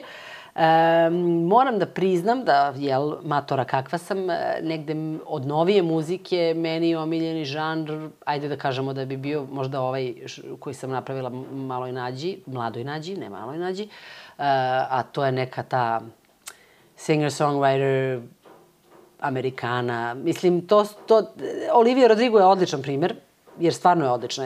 Moja Tara je jako voli i ja zapravo je nisam ni slušala dok nisam čula Tarinu obradu, pa bilo u fazonu, ubre, što je dobra ta stvar, šta je to i onda sam i počela da slušam. Ja lično sam recimo potpuno otkinula na novi album, joj bože, Charlie Pusa. Znači, Charlie Puth je napravio album, tom prilikom se meni, znači, Charlie Puth je uspio da napravi album na kom živi alter ego, na kog će svaka žena koja sluša te tekstove da otkine, a Charlie Puth je vrlo nedopadljiv meni na, na sve moguće načine. Od toga kako se ponaša u javnosti, kako priča, do toga kako izgleda, mada mi izgled nikad nije bio previše bitan. Um, prosto nije dopadljiv, ali to što je napravio na tom albumu je da se zaljubiš u smislu kako su te pesme dobro, ima jednu pesmu koja je totalno 80s, znači ono, imam 14 godina kad je slušam, bukvalno, i pro, on je užasno talentovan, koliko se ja sećam, on je valjda Berkeley završio, tako da, mislim, to je ogroman, ogroman uh, talenat, ali se bojim da, da, da upravo ta ličnost njegova će da spreči bilo kakav veći svetski uspeh. A koje ti mišljenje o vikendu? Ovo što je on radio uh, sa facom nisam i to... Nisam ga aktivno slušala nikada, da, da. znači nisam svesno ono pustila sebi vikendovu pesmu. Uh, mislim da je tu bilo jako dobrih stvari. Uh, dosta onako se oslanjalo na ranog Michael Jacksona u jednom periodu, što mi se i svidelo, pa posle mi se malo manje svidelo kad se više nije oslanjalo na to. Ali generalno mene, u tom smislu mene industrija na taj način, sve što odiše industrijom, to me uvek odbije, tako da... Viš voliš underground i Pa, ne, nije, nije, mislim, ja, ja i underground pišanja i žuga, ovaj, ne, ne volim underground, nego prosto e, počelo da mi smeta, kao što recimo ne mogu da slušam novu Beyoncé. Nema šanse, znači ja nisam preslušala taj album jer ja znam da ga neću voleti. Jer sam čula single, i vidim šta je to i to nije, to nije za mene muzika uopšte, iako sam obožavala razne prethodne stvari koje je Beyoncé radila. Ali se dešava to, ja sam primetila generalno naročito sa pevačicama, a i često i sa pevačima, da izgrade fantastičnu karijeru prepunu jako dobrih, kvalitetnih pesama, pop pesama u srži, koje sad imaju ovaj ili onaj stil malo više na soul, malo više na rock, malo više na ovo, malo više na ono ali se dešava da izgrade takvu karijeru i da onda u želji da zauvek ostanu mladi, počnu da rade stvari koje više ne nose taj pečat ogromne kreativnosti, ogromnog kvaliteta, pa na kraju krajeva i, i, i prijemčivosti te muzike, jer dobra pesma pobeđuje uvek. Ono što da. god da radiš, dobra pesma je pobednik, makar bila za klavirom, za gitarom, za ukuleleom, dobra pesma je dobra pesma. I mislim, prosto ne volim kad ljudi jure trendove i jure kao što ne volim ni kad jure mladost koju više nemaju, pa se, ono, unište, unište lice, mislim, raznim glupostima. Prosto, ja, ja sam negde osoba koja voli prirodnost na taj način. Ja volim muziku koja je iskrena, koja je otvorena, uh, Pa vrlo često i jednostavna, mislim, i možda je nekim ljudima, mislim, ne možda, sigurno nekim ljudima ta muzika ljigava, ali meni, meni bude lepo, meni, ona komunicira sa mojim emocijama i to je to. A inače nisam pomenula, najomiljeniji bend svih vremena moj u životu je Kings of Convenience, to su Norvežani da, duo. Da, dvojec. Jeste. Znači, to šta ti ljudi imaju, E, nastupali su već u Beogradu. nastupali? Da, da, da. Sad sam pomešao, da, prošle bila, godine. Bila sam da, i na tom da, da, koncertu, nećeš verovati, a bila sam i na švedskom. E, ja sam 13 ili 13, 10 ili 13 godina pokušavala njih da dovedem u Beograd. I nisam uspela. I na kraju sam ih prvi put videla u Stokholmu. I na moje oduševljenje ovaj, uspela sam da se upoznam sa, sa jednim od njih. Mislim, sa obojicom, ali jedan od njih je ostavio značajan utisak na mene, baš ovde u Beogradu posle koncerta. Uh, I stajali smo ispred doma sindikata tri sata i onda smo na kraju zajedno otpevali jednu od mojih omiljenih pesama tog benda. I to je iskustvo potpuno surrealno koje će me držati, ja mislim, do kraja života. Šta su oni, nisu Norvežani? Ili? Norvežani, da, Norvežani iz Bergena. Madrugada je isto zanimljiv bend iz Norveške, ne znam Nisam, znaš. znam za njih, ali ih nisam Silvert, slušala. pevač je strašan, mislim, ono... Norvežani imaju jako, oni kad, da. kad uspeju, da, da. onda izbace fantastične talente i vrlo specijalne ljude. I evo kad ih već pomenjamo, jedan od mojih prijatelja iz mladosti, vrlo rane mladosti, inače moj ujka živi na severu Norveške, pa sam tako i upoznala čoveka, je norveški uh, kantautor i kompozitor Espen Lind, koji je umeđu vremenu uspeo u svetu i onda se vratio u Norvešku i sada je već godinama član uh, žirija Vojsa. A inače je autor pesama kao što su Irreplaceable od Beyoncé, um, Drive By i Hey Soul Sister od Train, Znači, čovek ne može biti uspešniji, ogroman talent, a ja ga pamtim kao, dobro, ja sam bila smrtno zaljubljena u njega sa 15, 16, 17, ne znam nija koliko sam imala. Ove, I kako i ne bi, mislim, ono, kosa do dupeta, plave oči i talenat do bola. Tako da ove, on je stvarno bio neverovatan lik i ja sam tad prvi put se susrela, recimo, sa nekim ko ima 19 godina, ko je toliko talentovan i ko ima ambiciju uz taj talent. Znači, taj čovek je radio, neverovatno je mnogo radio. On je išao na časove vokalne tehnike, on je vežbao, on je spremao te pesme, on je, znači, to je bilo ludilo. Je bio u bendu tada, frontman benda i jedan od kompozitora, ali sam ja već tad videla da je to čovek koji zna kuda ide i spreman je da žrtvuje sve da bi, da bi tamo stigao, ne u smislu gaženja preko leševa, nego da. teškog rada. I stvarno je to i uradio i uspeo i evo ga sad živi negde dole ispod osla na obali, mislim, ono, preuspešan, verovatno bogat. I ja sam ga pitala, u kontaktu smo stalno, i ja ga pitam, rekao, dobro, što si se vratio, živo me zanima. Mislim, znaš, ko odeš, napraviš toliki uspeh sa svojim pesmama, i potpuno sam razumela, u stvari on je imao jedan jedini ispravan odgovor na tako nešto, a to je da, da, da se on razočarao zapravo šta je ta industrija da prosto to ne, mislim, kao dok je imao elana i energije da, da, da pravi te pesme i da veruje da to makes a difference, radio je to i onda je prosto jednog dana bio u fazonu meni se ovo u stvari ne sviđa, ja ovo u stvari neću, ja hoću nešto drugo. I otišao nazad kući i uživa u Norveškoj, u vojsu, pravi pesme, svira s nekim drugim mlađim ljudima, peva, izvodi, e, komponuje u svom studiju. Znači, jedna predivna priča, ono, malo liči na alhemičara, mm. ko, koji je dosta onako prezrena knjiga od starijih, ali u mladosti se, se čita i, i guta ono kad imaš neke snove na početku. Ovaj, liči na alhemičara u smislu da, da je našao ono što je tražio kad je došao kući, mislim, što je, eto, vrlo čest slučaj. Mislim da čovek nauči tako što obiđe pun krug.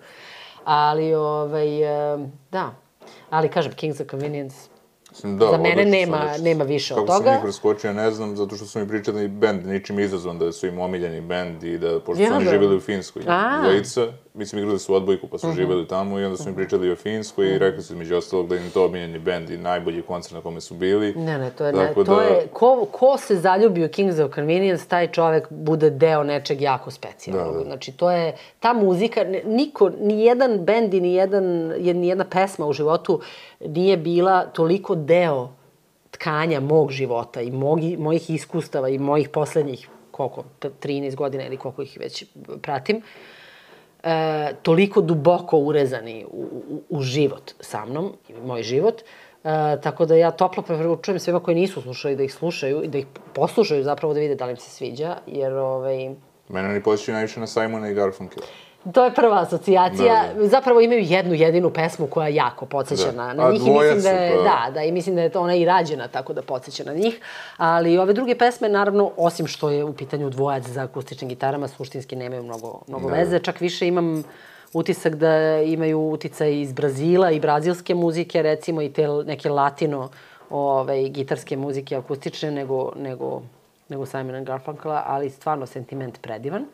Dok recimo druga umetnica u kojoj sam se jedno vreme jako divila zbog albuma koji je bio vrlo specijalan, Melody Gardot, koju sam pomenula u kontekstu Vini Kolajute, koji je svirao na albumima, ona me toliko smrtno razočarala posle tog jednog albuma, e, drugog, ja mislim, po redu, čini mi se, My One and Only Thrill, koji je bio remek delo potpuno, na svaki način, tekstualno, muzičko, atmosfersko, na sve načine.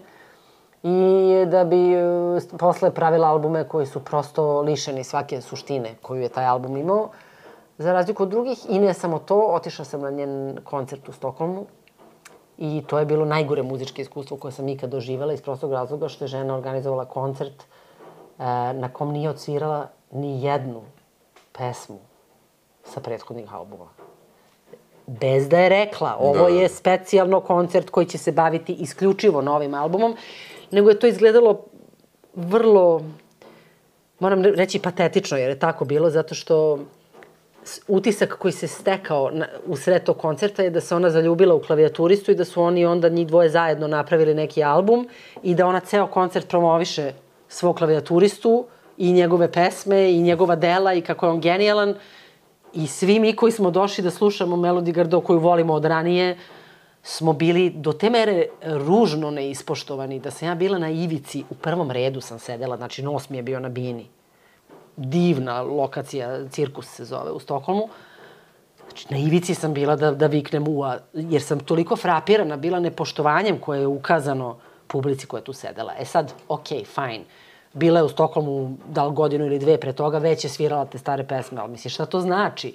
Da. Sigurno ljudi ne dola... Mislim, drugo je kad izreklamiraš specijalan koncert, recimo Kings of Convenience, sada imaju specijalan koncert u aprilu, dva zapravo, u Kopenhagenu, na koji nas troje idemo. Zašto? Zato što imaju side A koncert i side B koncert, a side B su stvari koje nikada nisu svirali na koncertima i nikada ih ne sviraju i to će za sladokusce, kao što smo mi, biti znači, najvažnija stvar ikada, tako da mi idemo na koncert jer to mora da se čuje i vidi. Tako a da... meni je možda najbolja pesma koju sam čuo u poslednjih, da kažem, 10 godina, da je nastala, mislim, u, de, u poslednjih 10 godina, Israel Nash, Rain Plane. To je Captain Fantastic, ovaj sa Viggo Mortensen, gde je on hippie porodica, okay, kao okay. ovaj, pa ovaj, liči dosta na Pink Floyd, pomešano sa Neil Youngom, ta pesma, mm -hmm. i onako baš je vrlo. A nova je? Pa mislim, mislim, sad više i nije nova, ali Dobro, da, da, ajde da, da kažemo u poslednjih 10 godina, da, pošto kad je taj da. film izašao, eto, mm -hmm. od tad je ta pesma. Da. Tako da, ovaj, Ali nisam vidio posle da Ezreal Nash nešto slično te snage Ja nisam ni čula za njega, ali eto viš da, da. koliko ima, mislim, da, da. realno živimo u vreme, u vremenu hiperprodukcije. Da, da. Ali isto tako dobra strana toga je što prosto stalno je na dva klika od tebe neka potpuna genijalnost koju, koju možda ne bi nikad otkrio da nisi kliknuo. Tako da, eto, tako moje dete otkriva novu muziku.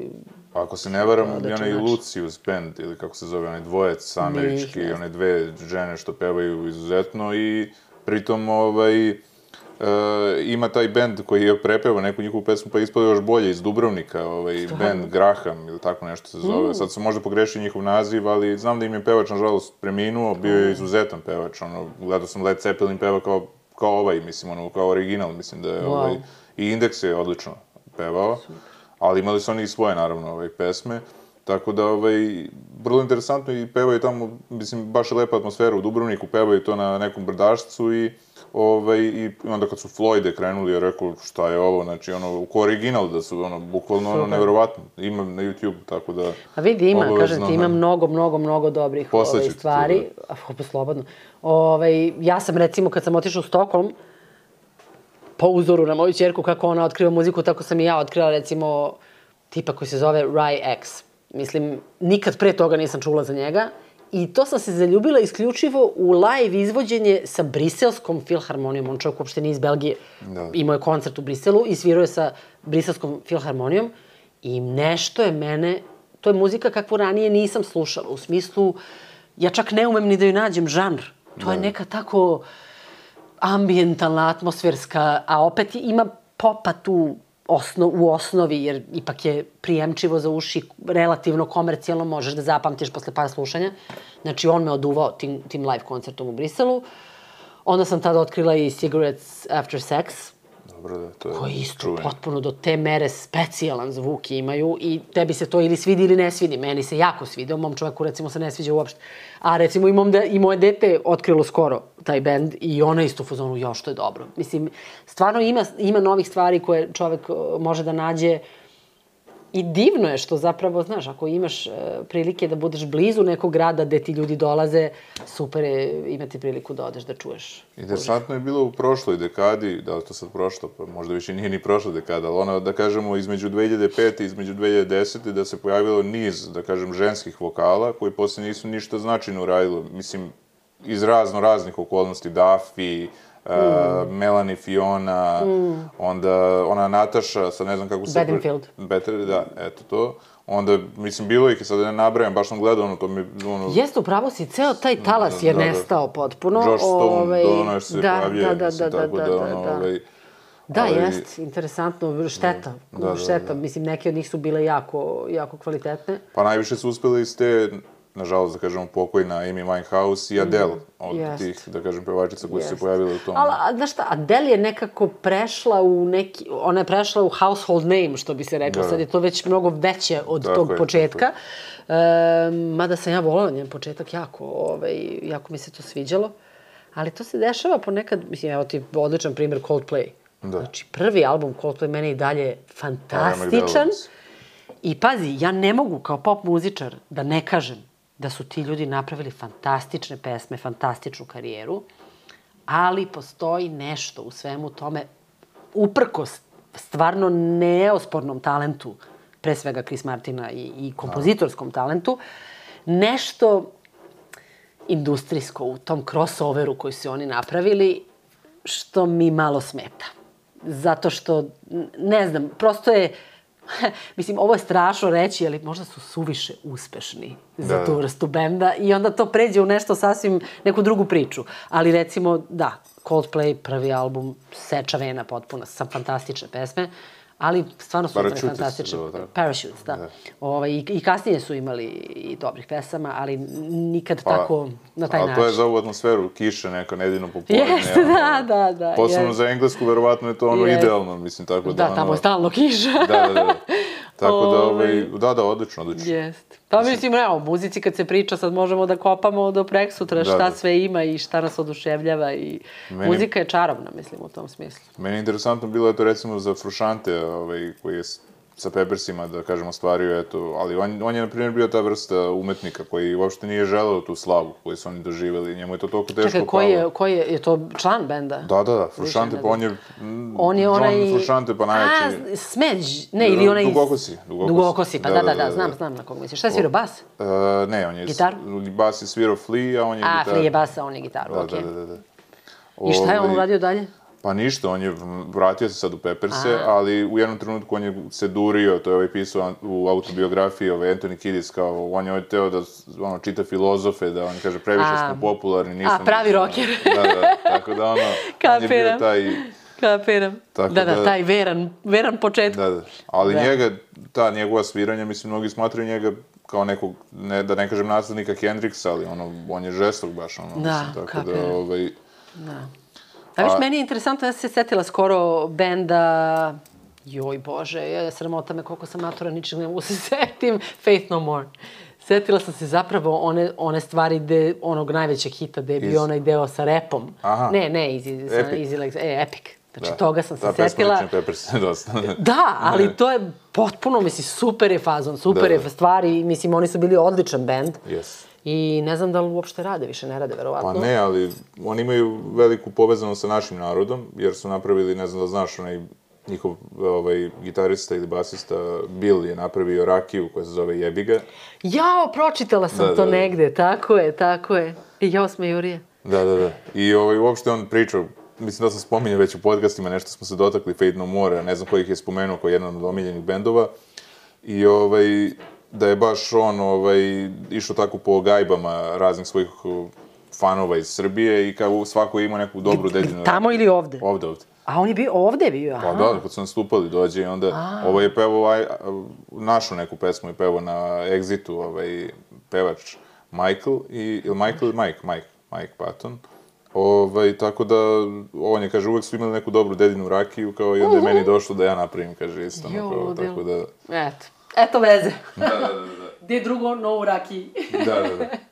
Ali eto, sad ovaj, nismo se dotakli te, da kažemo, najaktuelnije teme, a to je sad će bude ovaj, ta pesma za mm. Euroviziju. I ovaj, ti si, dakle, napisala tekst uh, Mladoj Nađi. Nije tekst, kompoziciju, molim I te. Znači, ja nisam tekstopisac, ja da, sam da. kompozitor i Kompo- tekstopisac. dakle. Ovaj, ne, zajedno sa, Sve. sa timom Da, da. Gozdenom Englezom, ovaj, producentom pesme takođe, Da. sam napisala pesmu za, za Nađu, koju sam našla preko Facebooka. Ovaj, eto vidiš, Facebook je izvor mnogih radosti, osim Da. ovaj, ovih ružnih stvari, takođe može da bude izbor, izvor velike... Uh, koristi u životu, koristih stvari, ne koristi financijske, nego koristih stvari, a eto, uspela sam da nađem talenat kao što je Nađa ovaj, na Facebooku i preko Facebooka. E, tražila sam prosto mlade ne, firmice na izvođače se prijave upravo za ovo, za pesmu za Euroviziju, da im napišem pesmu. Nađa se prijavila, 17 godina, nije mi baš bilo jasno da li, su, da li je to po propozicijama ili nije, te sam je držala na tankom ledu jedno, jedno mesec dana dok sam ja Da, da. slušala druge kandidate, gledala starije, da li ima neko stariji, da li ima neko bolji. I onda sam shvatila, čekaj bre, šta bolji, daj da se raspitam ja da li ovo dete može da ide, jer to 17 godina i takav glas stvarno me oduvala. Plus svira gitaru, prosto svira i klavir. Čestitam, ne komponuje, ali hvala, hvala, ne komponuje, ali verujem da će i to doći, ide u muzičku školu. Jedno jako, jako, mislim, pre, predivna devojka sa vrlo, vrlo jakim umetničkim pečatom svojim.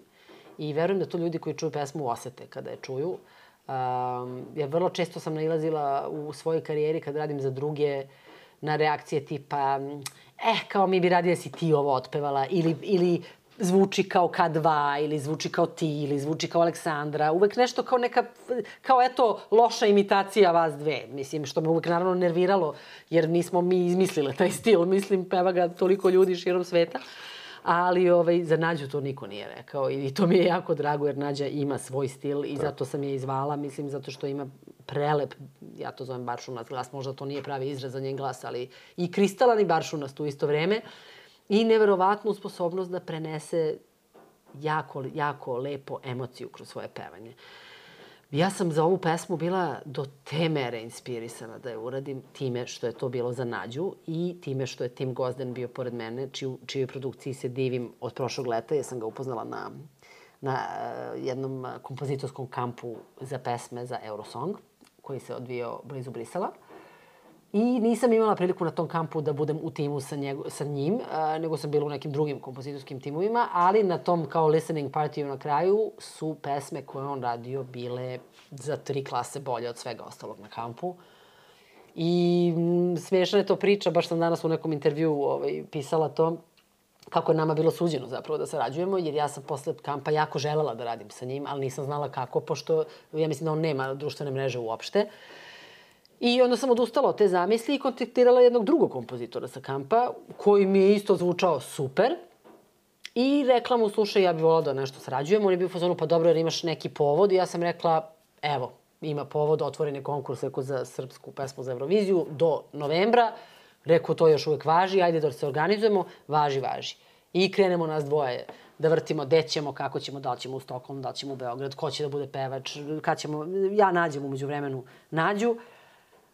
I on u nekom trenutku kaže, e, mislim da je bila super ideja da, da učestvuje i Tim Gozden. I ja kao, molim? Dobro, super, ja ono u sebi mislim, fantastično. I šta se dešava? Kupljene karte za mene da idem u London, pa u Norwich gde živi Tim. Ono, treba da dođe i ovaj čovek preko kog to sve ide, Tristan, od kog je krenulo. I ovaj, u ponoć pred moj let e, javlja se Tristan i kaže ja moram da otkažem, ja imam neke privat, ono, privatne probleme i ja ne mogu da dođem. I sad ja u panici da će, i, i, i tim da mi otkaže i da neću ni od, da će mi propasti karta i da ništa nema od cijele priče, međutim tim ne otkaže. I pitao me, Tim, hoćeš da zovemo još nekoga kao trećeg? Ja sam u fazonu, e, nema nikakve potrebe, rekao, will be just fine. I onda sam otišla u Norić, u kom sam dobila jedan od najvećih napada astme, od kada imam astmu, pošto, znači, ta magla i to, ta, ta, ta kiša i sve nije mi baš prijelo. Tako da sam demo ovaj, za pesmu otpevala pod jakim napadom astme, ne znam kako sam uspela.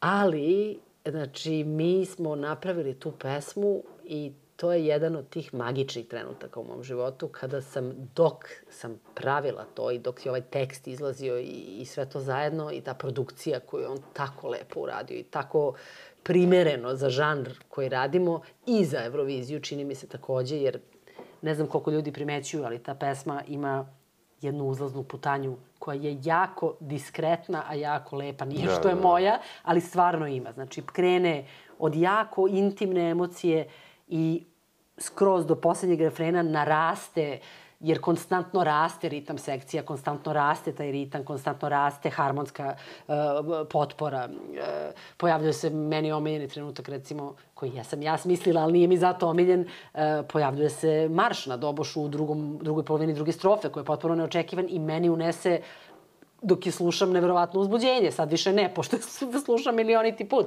Ali hoću da kažem, ima toliko detalja na koje sam u toj pesmi strašno ponosna i koji ne bi bili takvi da nismo nas dvoje seli zajedno da to iskomponujemo. Tako da u tom smislu mislim da smo imali jednu izuzetno uspešnu saradnju. Ponosna sam na to što, eto, jedan Englez će da ima jednu od pesama ovaj, na, na našem domaćem takmičenju. I ja mislim ovaj, da je on već kupio kartu, on želi da dođe za finale, ako uđemo naravno.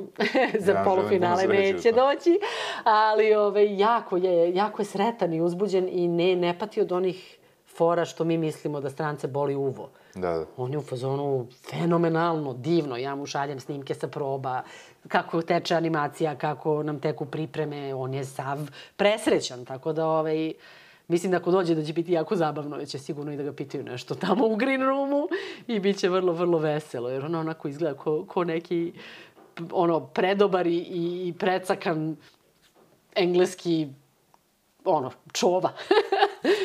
Potpuno je fenomenalan i Nađa ga mnogo voli jer je fantastičan producent. Nađa je kasnije došla, znači Nađa je pesmu otpevala tek u Stokholmu, mm. -hmm. kada je pesma već primljena ovaj, na, na takmičenje. I tad smo se prvi put i upoznale zapravo. Znači ovo je bilo prilično rizično Da, sve da, da, zajedno, da, da. ali ja sam poznati risk taker i ne samo to, nego verujem u instinkt sobstveni po tom pitanju. Jer ja se smo, Ne, ne, da skratim. Ne, ne, ne, ne, ne, u redu je. Sve zavisi na, naravno od sagovornika. Imali smo podcasti od po tri sata. Tako Jel da? Okej, onda mogu da nastavim.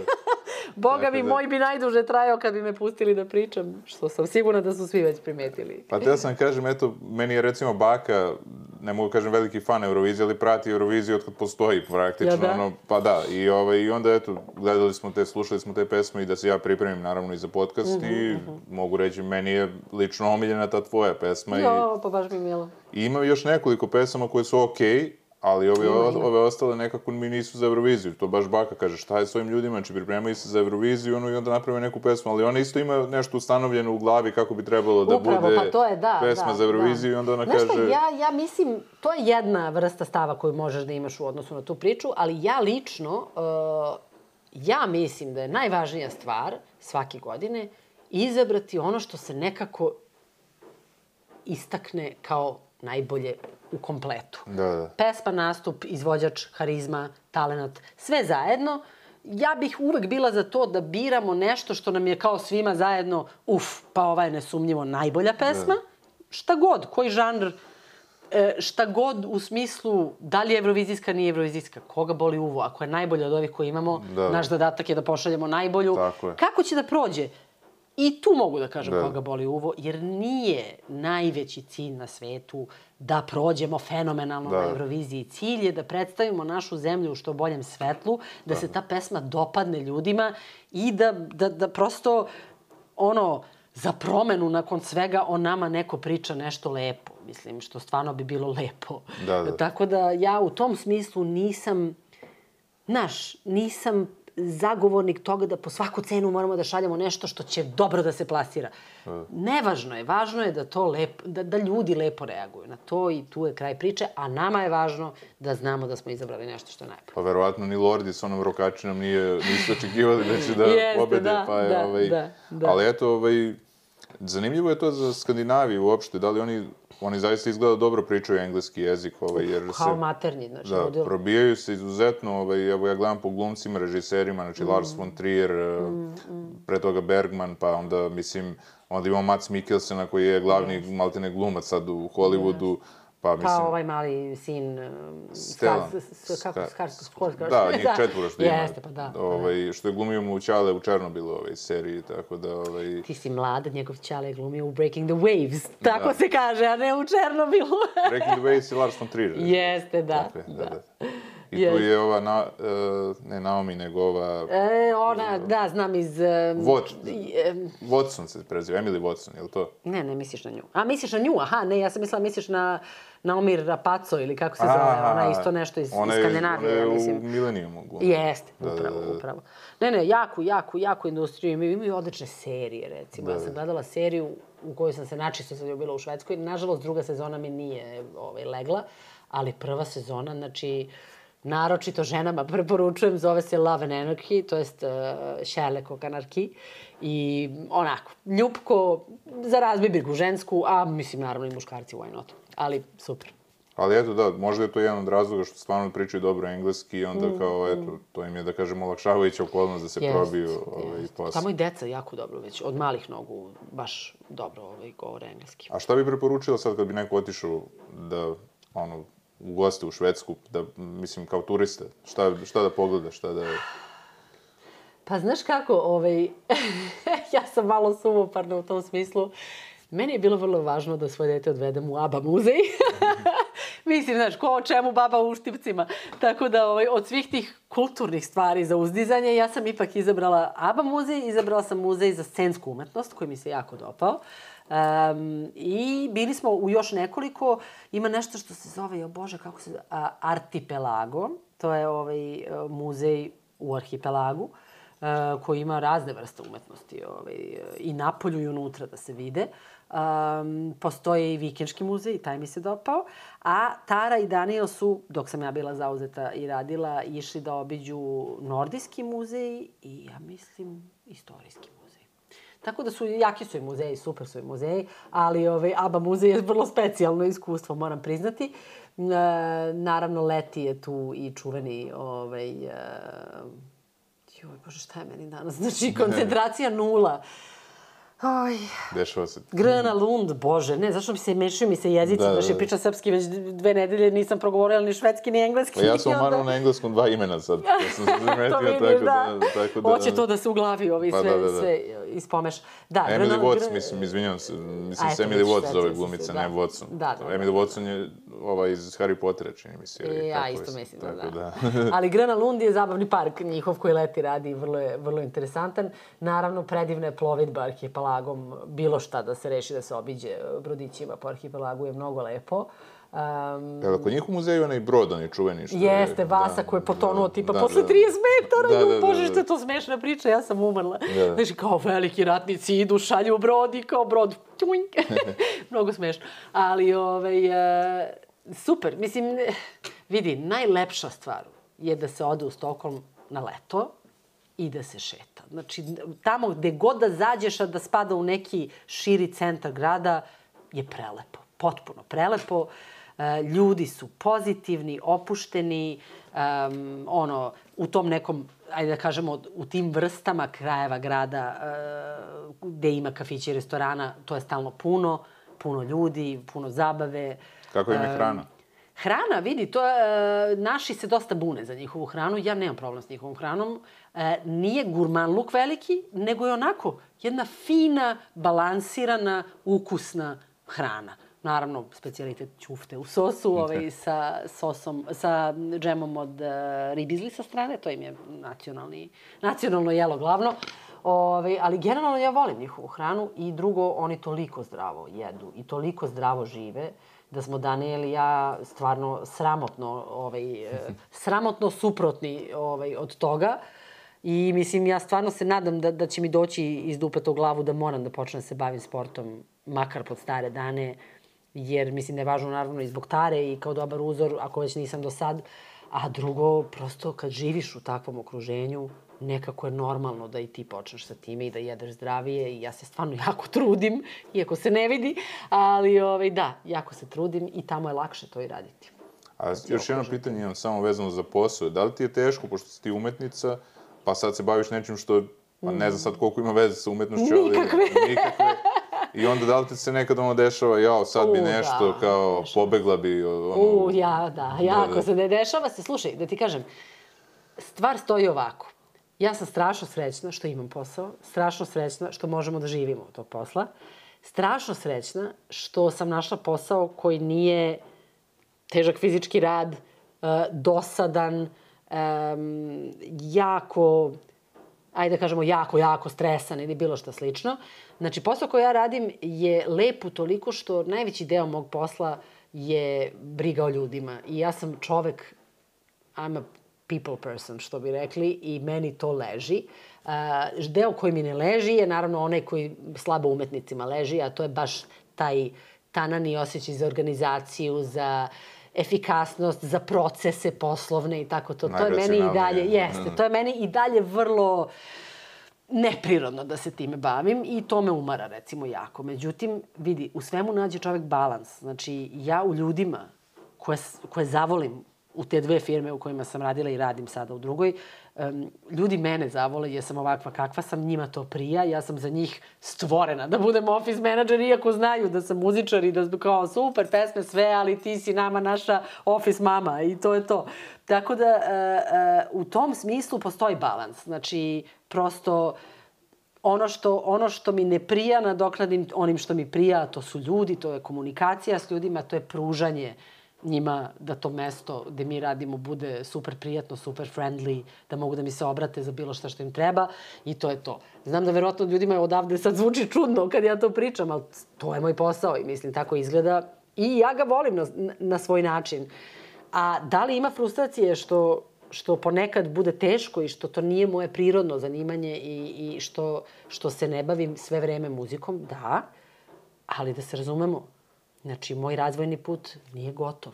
Ja sam tamo tri i po godine. Znači, moj nije plan da ostanem office manager do kraja života. Znači, ja se pomeram. Malim koracima se pomeram ka svom željenom životu u smislu kraju... počeću da se bavim, počinjem da se bavim muzikom ponovo. Napravila sam veliku pauzu, pandemija mi nije pomogla u smislu energije, jako nisam bila inspirisana da išta radim u tom smislu. Ali evo, bila sam na tom kampu, onda sam posle toga napravila inicijativu s jednim kompozitorom, pa s drugim kompozitorom, pa sad ovo, pa ću verovatno ponovo da odem na isti kamp sledeće godine. Znači, prosto krećem da radim stvari, e, da, da se mrdam u tom pravcu, a onog časa kad budem bila u toj situaciji da ne moram da radim ovaj posao, nego da mogu recimo da osnujem taj čuveni hor od koga je sve krenulo, pa da na taj način zarađujem neku ekstra lovu, a da usput, to jest ne usput, nego kao glavno sarađujem s kompozitorima, idem na kampove i trudim se da, da, da moje pesme nađu dom na albumima raznim širom sveta, to je cilj i to je suština. Na kraju krajeva ti radiš taj posao, uložiš u svoje neke ideje, kao što jeste, sam radio pa neke da, druge poslove jeste, da bi jeste. ono, a koji nemaju veze sa novinarstvom, pa mi nije leglo jeste, i onda, da, i onda da. tu uložim u ovu svoju ideju. Tako Vidi, da, ono... ja, ja iskreno stvarno mislim i svaki uh, dan bi to rekla svog života, da je to poštenija varijanta nego da čovek proda dušu đavolu i da Tako da u okviru svog posla radi grozne stvari, sve pod krinkom, pa ja moram da bi ne znam šta. Ne, ne moraš. Znači, možda nosiš džakove, brate, ako, ako moraš, ako mora da se preživi, ima drugih stvari koje možeš da radiš. Ali integritet je nešto što postoji, što treba se čuva, ali naravno, nažalost, to sam baš danas u tom intervju pominjala, uh, Pitali su me šta mislim o ostalim pesmama i sad ima super, ima super, mislim ima vrlo svežih pristupa pesama, ne. ima nekih koji mi se jako dopadaju kao taj Egret, super zvuči, um, ima nekih modernih dance pesama sa forom, znači ima, ima prosto dosta svežine se da. pojavilo, nije onako učmalo ko ranije što da. je bilo. Ali s druge strane isto tako, znaš, postoji uvek deo, um, um, naročito tužno što su to mladi ljudi, deo koji kalkuliše i to se čuje. I da. čuje se kalkulacija i čuje se da je neko nešto pravio da bi to prošlo i jer naša publika voli ovo ili, ili voli ono. Ili senzaciju sa nastupom. Pa, pa da, znaš, da, mislim, prosto da, da. Uh, čuje se. I onda, znaš, dođeš u situaciju da, da, da, da shvatiš da ta deca odrastaju u društvu koje je kalkulaciju usvojilo kao način funkcionisanja. Jer se sve radi sada e kao, ako se prodam ovome, onda ću dobiti ovoliko love i to je super i onda ću ja moći ovo i ono. Mislim, sve se svodi sad na, na tu vrstu trange-frange biznisa i muzika, nažalost, pati zbog toga, zato što, kažem, imaš dece, ja odmah provalim, recimo, ko je to uradio. Odmah provalim izvođača koji voli da sluša isključivo, recimo, stranu muziku, i onda uzme i otpeva nešto što je potpuno suprotno od tog žanra, sasvim ne dodi, nema dodirne tačke nikakve. To se vrlo jasno vidi. jer vidiš koji imidž fura, šta mu se sviđa, kako izgleda. Jasno lju, možeš da proceniš šta bi u stvari taj dečko ili devojčica voleli da pevaju, a ne pevaju. Eto, to je tuga, uh, mislim, toga što nam je politika uradila društvu ovom, da klinci odrastaju u tom okruženju i da smatraju to potpuno normalnim. Da. Oni verovatno mene s druge strane gledaju kao budalu neku matoru, koja vidi ova napravila pesmu koja neće da pobedi, na primjer, ili, ili, ili tako ne, naš, neki, neki potpuno drugi drugi, drugi, drugu, eh, drugu perspektivu imaju potpuno. Da, Mislim, pa, uopšte ali dobro, nismo... eto, vidiš, ima i zlatni primjer kao što je Nađa, koja je... Pa dobro, ne, ne, jeste, da, Da, da. ima, ima stvarno i to dete stvarno jeste zlatni primjer Da, da. u tom smislu, jer ona muziku voli iskrenim žarom i bavit će se njom, makar to bio samo hobi u smislu, ja stvarno ne znam u ovoj zemlji kako će dalje da teče bavljanje muzikom i koliko će tu da ima egzistencijalnih teškoća ako se ljudi bave muzikom, ali se stvarno nadam da će da, da i da oživi i da bude bolje, eto, barem muzika, ako ne sve zajedno. Evo, apropo tvoje karijere, nedavno sam gledao dokumentarac o Tini Turner, pa ona je napravila zapravo karijeru najjaču ono, u srednjim 40-im i posle.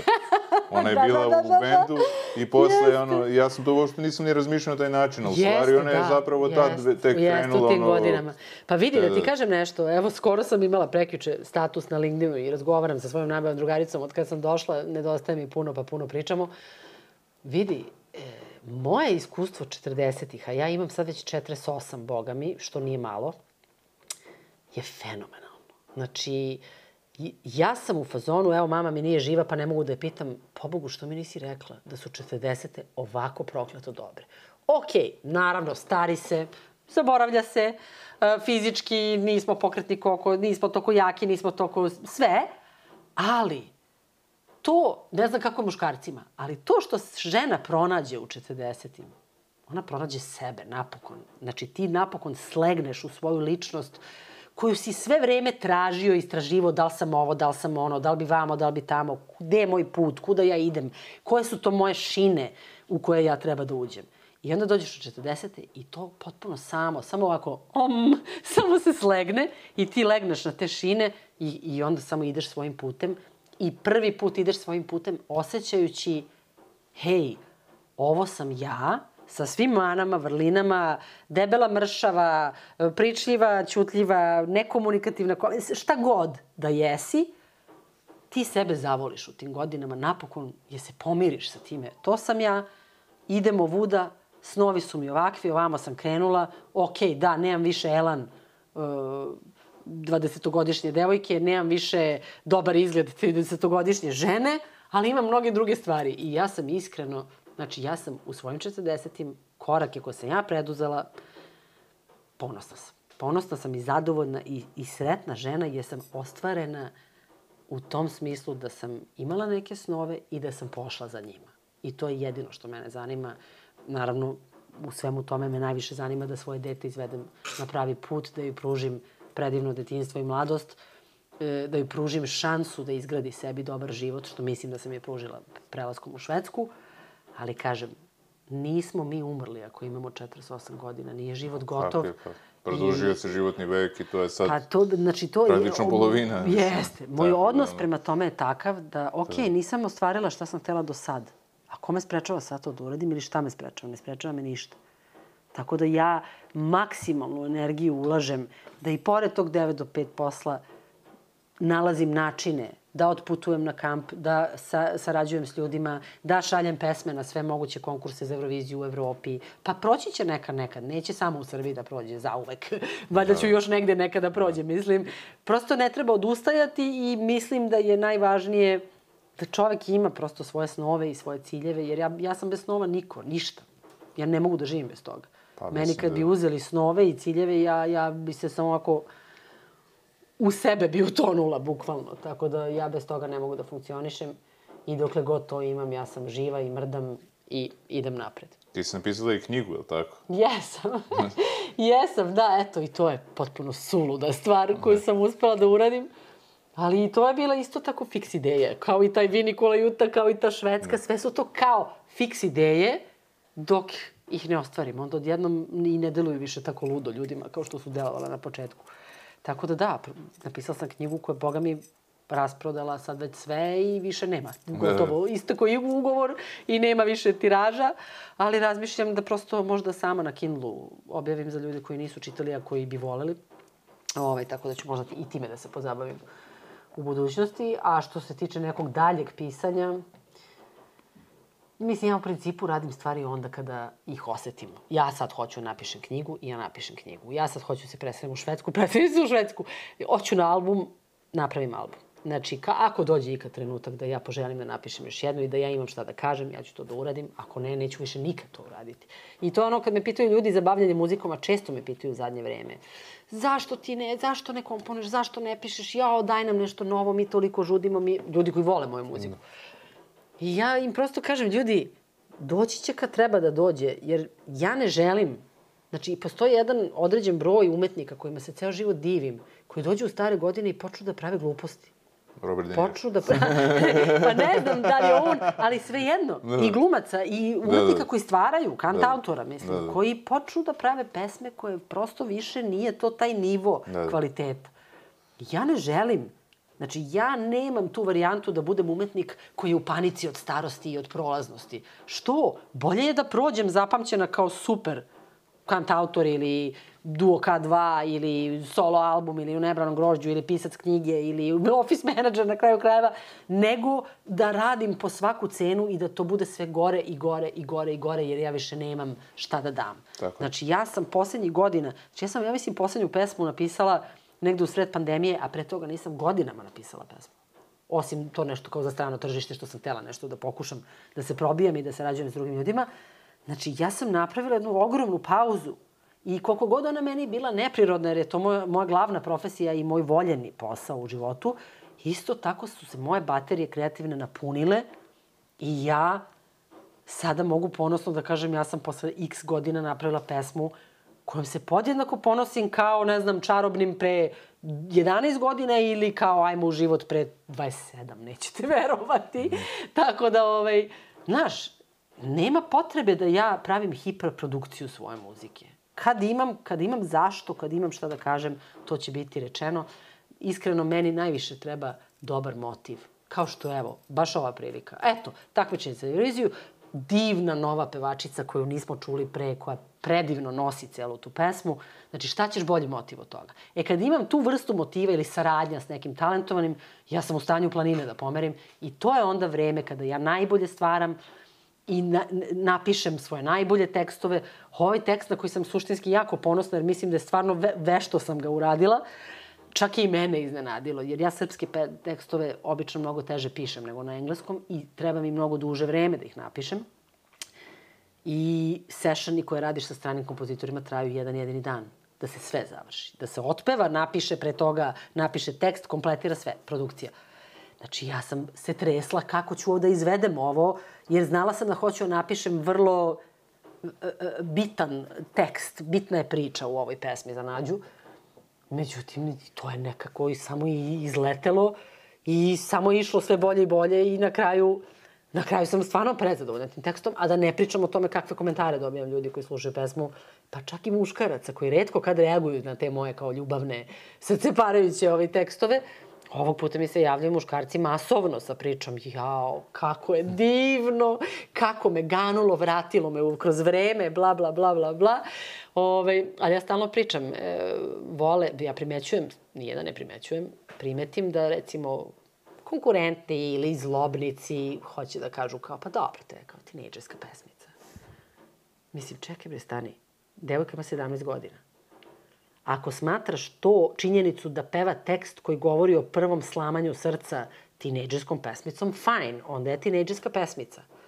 Ali oni zaboravljaju da je pre svega ovo pesma, nije ovo neka dečija pesma, ovo je pesma.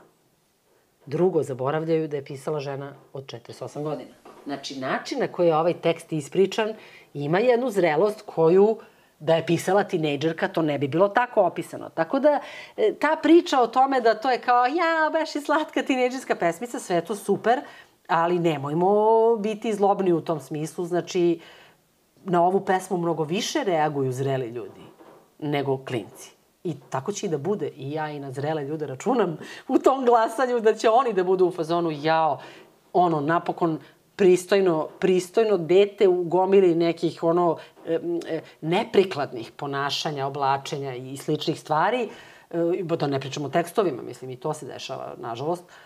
Znači, jedno normalno, pristojno dete koje gaji svoj talent, koje voli muziku, bavi se njom iskreno, i jedna pesma koja govori o, o istinitim emocijama koje svako doživi u svom životu. Eto, to je negde kompletirana ta priča I eto, znaš, kad me pitaju, jer ti pa nije valjda da očekuješ pobedu. Pa ja, što, nekad je najbolje pa, pesma. Ne, ne, ne kažem to, to ti kažeš i hvala ti, ali ne, kažem, uh, pod jedan ja se uvek nadam. Mislim, ja sve radim sa nadom da će biti najbolje što može da bude. Ja bi jako volela da odem u Liverpool ove godine. Ja inače jako volim englesku. I eto, baš simbolično, zato što je tim ko kompozitor pesme, mislim da bi bilo jako zabavno da, da odemo sa njim i, i, i sa mnom tamo.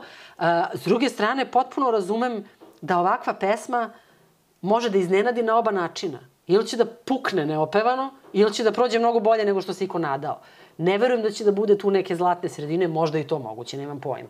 Ali eto, kažem, ja se uvek nadam i naravno da bih volela i bilo bi mi jako drago, pre svega bi mi bilo drago da znam da su silni ljudi toliko odreagovali na pesmu da osete potrebu da doprinesu na taj način. Jer te poruke meni ne znače znače odlazak u Liverpool, ali nije to suština. Suština je da su ti ljudi toliko zavolali to i toliko odreagovali da budu u fazonu ja moram ovo da, ja hoću da glasam za ovo.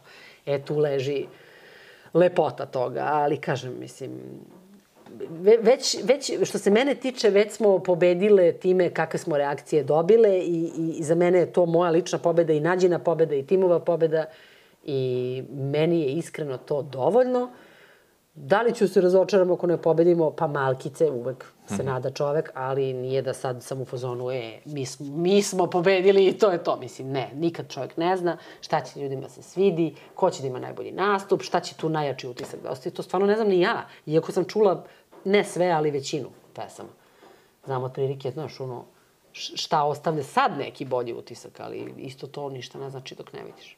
Kristina, želim ti puno sreće u daljem radu. Mnogo ti hvala na ovom razgovoru. Hvala I... tebi, verujem da, da redko imaš goste koji ovoliko brbljaju kao ja. ne, ne, stvarno mi je bilo vrlo prijatno, tako da... E, drago mi je, drago mi je. I saznao sam mnogo, mnogi stvari o Švedskoj, o, o muzici uopšte, tako I da... o mom životu. I o mom životu, naravno. jeste, jeste, ovaj, da, nadam se da nisam rekla ništa što ovaj, će da završi u tabloidima ili neprikladno, ali, bože moj, očigledno... Ne znam koliko oni prate ovo, tako da... da, mislim, pazi, očigledno sam, ja sam sad obeležena kao tabloidna ličnost, tako da ne bi me čudilo da nešto završi, ali bože moj, mislim, to je njihov izbor, moji izbori su da budem to što jesam i da to sledim uh, skoro slepo, tako da ovaj, drago mi je ako si ti to prepoznao i zbog toga me pozvao i nadam se da ću doći još koji put. Hvala ti. Gledamo se nadalje.